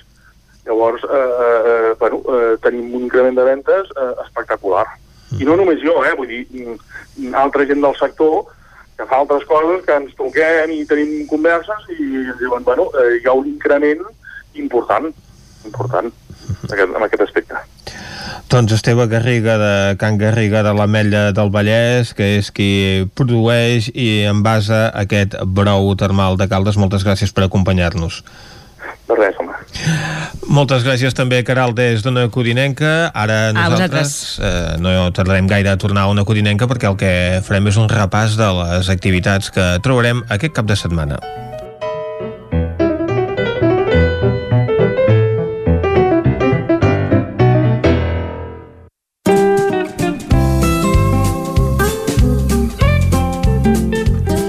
Recte final del cap de setmana d'aquesta aquest, eh, setmana del Territori 17 i el que fem ara doncs és eh, fer una roda de connexions amb les nostres emissores per conèixer les activitats que podem trobar aquest cap de setmana sigui doncs per via presencial sigui per via telemàtica comencem amb Ràdio Cardedeu, Òscar Muñoz bon dia de nou Bon dia de nou. Quines activitats ens proposes? Tenim per demà a les 10 activitat en línia Cremem els clàssics per joves de més de 17 anys. És un club de lectura ur- autogestionada pels joves de Granollers. Es llegirà Los combatientes de Cristina Morales i això i organitza la Biblioteca Roca Humbert. Llavors, si voleu inscriure-us, doncs aneu a la pàgina web de la Roca Humbert i allà hi haurà l'enllaç. I dissabte i diumenge tenim un taller familiar al voltant del concepte col·lapse.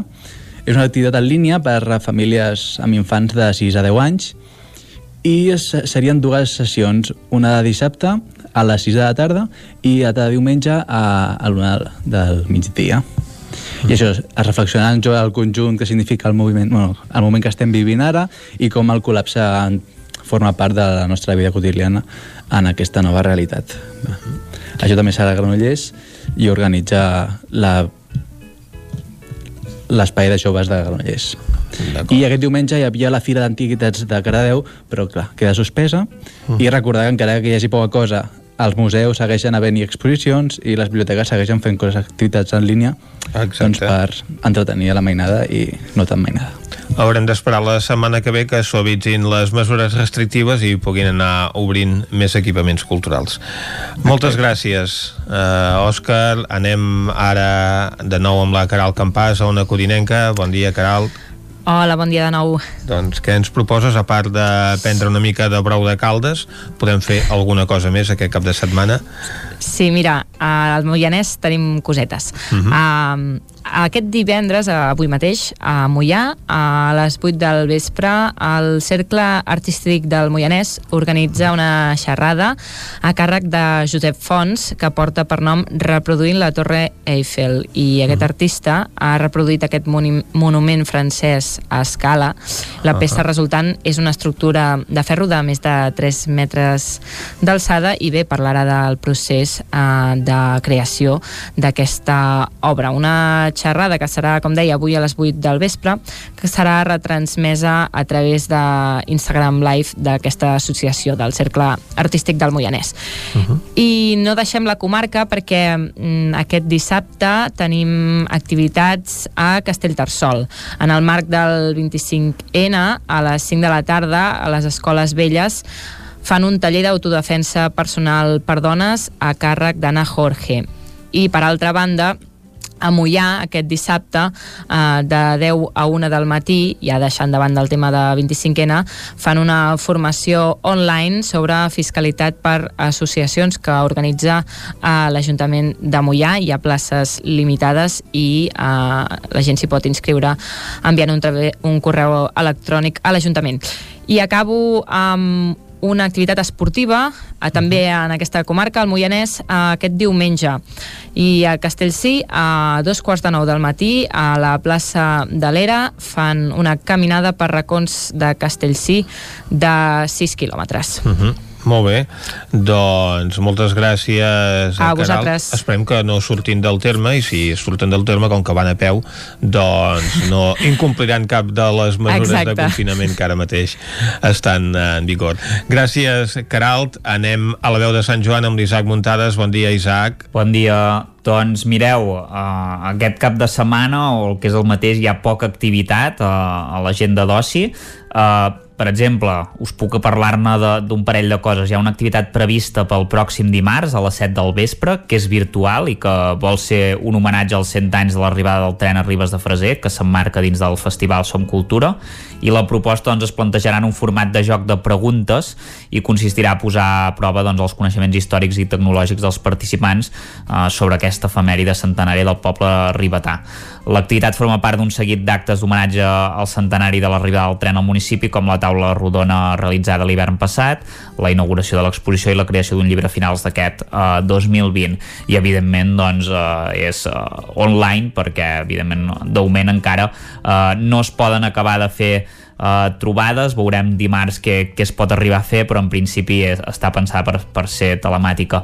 I també ja sabeu que des d'aquest uh, passat dia 14 fins al 29 de novembre se celebra la 25a setmana de la ciència Uh, que de fet és més d'una setmana com podeu veure i el Museu Etnogràfic de Ripoll oferirà la xerrada com ha influït la ciència en la sanitat vegetal de la vinya a càrrec de Sara Batalla. La xerrada també es podrà veure online es transmetrà en directe de forma virtual uh, i serà aquest divendres, avui mateix a les 7 del vespre es podrà veure per tant en aquest cas sí que serà virtual perquè les mesures eh, que entren en vigor de, de certs actes no, no comencen fins di, dilluns, per tant eh, moment aquestes són les activitats que tenim aquí al Ripollès, eh, esperem que la setmana que ve us puguem començar a explicar alguna cosa més eh, amb, la, amb la fase de desescalada que, que arriba. Doncs això és el que esperem, Isaac, moltes gràcies. Ara tenim aquí en Miquel R, doncs, que ens parlarà també de què és el que podem fer virtualment aquest cap de setmana, que en condicions habituals doncs, seria segurament un cap de setmana que començaria molta activitat perquè s'acosta Sant Andreu i hi ha pobles doncs, que celebren aquesta festivitat. Doncs sí, gairebé són cròniques més del que no es fa o, eh, o que estem Sí, fent en línia exacte. que no, que no realment el que, el que podem fer. De fet, eh, a nivell firal, com a proposta firal, hagués set el gran cap de setmana de la Fira de la Muntanya. Ahà. De fet, era una fira que ja eh, es s'havia de fer a principis de novembre, es va traslladar per aquest cap de setmana i al final tampoc ha estat possible eh, diguéssim que per, per capacitat, pel que mobilitza, per tot plegat, doncs sí que era una de les, de les cites potents. Recordem, a més a més, que tot i que s'ha anat eh, remodelant, canviant de noms, es celebrava pròpiament la, la quarantena edició, per tant són 40 anys, va començar per la històrica Fira de l'Esquí a l'antic pavelló municipal de Vic, i ara ja era una festa molt vinculada amb tots els esports de muntanya, molt potent, amb exhibicions d'escalada, doncs això no podrà ser. Sí que hi ha res, eh, un parell de tastets en línia, el més potent serà una webinar que celebrarà eh, a, a través de, del YouTube de, de mateix Vic Fires amb un debat que mantindran en Sergi Mingote i en Ferran Latorre una mica arran de la, de la gesta que va aconseguir el Mingote el, el 2019 que en pràcticament dos anys eh, va pujar doncs, sis muntanyes de, de 8.000 metres Mhm. això serà diumenge a la tarda Mentre que el Ferran La Torre recordem que és el primer alpinista català doncs, que ha pujat tots els cims de 8.000 metres. Correcte, per tant sí que ens, ens Dos alpinistes de nivell, sí, dos, sí, dos, dos autèntics mites, dos del, exacte, entre Osona i el Vallès. I llavors per la resta ja dic, són actes més puntuals, eh, vinculats també, eh, es passaran imatges i vídeos durant el cap de setmana a la web per recordar una mica el que era la fira. Mhm. I això que deies, eh, vinculat amb Sant Andreu, eh, GURB hauria de també de començar a celebrar la, la seva festa major, de fet arrencava aquest divendres amb el pregó i s'allargava aquests 10 dies mm, en aquests moments estan pendents si salven el pregó i el fan el cap de setmana que ve o l'al- eh, durant el cap de setmana que ve eh, forma així telemàtica. en línia també de forma telemàtica l'havia de fer mm, l'havia de fer la... mm, ah, T'ho diré així de memòria, Marta Joanola, eh, que és cooperant infermera del poble, veurem si, si se salva, i el que també estava enmarcat dins la festa major, que també havia saltat a la primavera, és el lliurament dels Premis Literaris, 32a edició, que sí que es farà també en línia dissabte a la tarda. Per tant, em, de propostes una mica ens quedem, ens quedem amb aquestes. Recordar, no és una proposta, però mm, també és un moment que, que ens hi hem d'agafar aquests dies, que avui, aquest divendres a dos quarts de set aquí a Vic, es fa l'encesa de la- de l'enllumenat de Nadal amb l'arbre de color blau a la plaça Major, que també ho podem interpretar com una petita festa. Exacte. Ens hem de conformar amb aquestes petites coses, efectivament. Moltes gràcies a Miquel.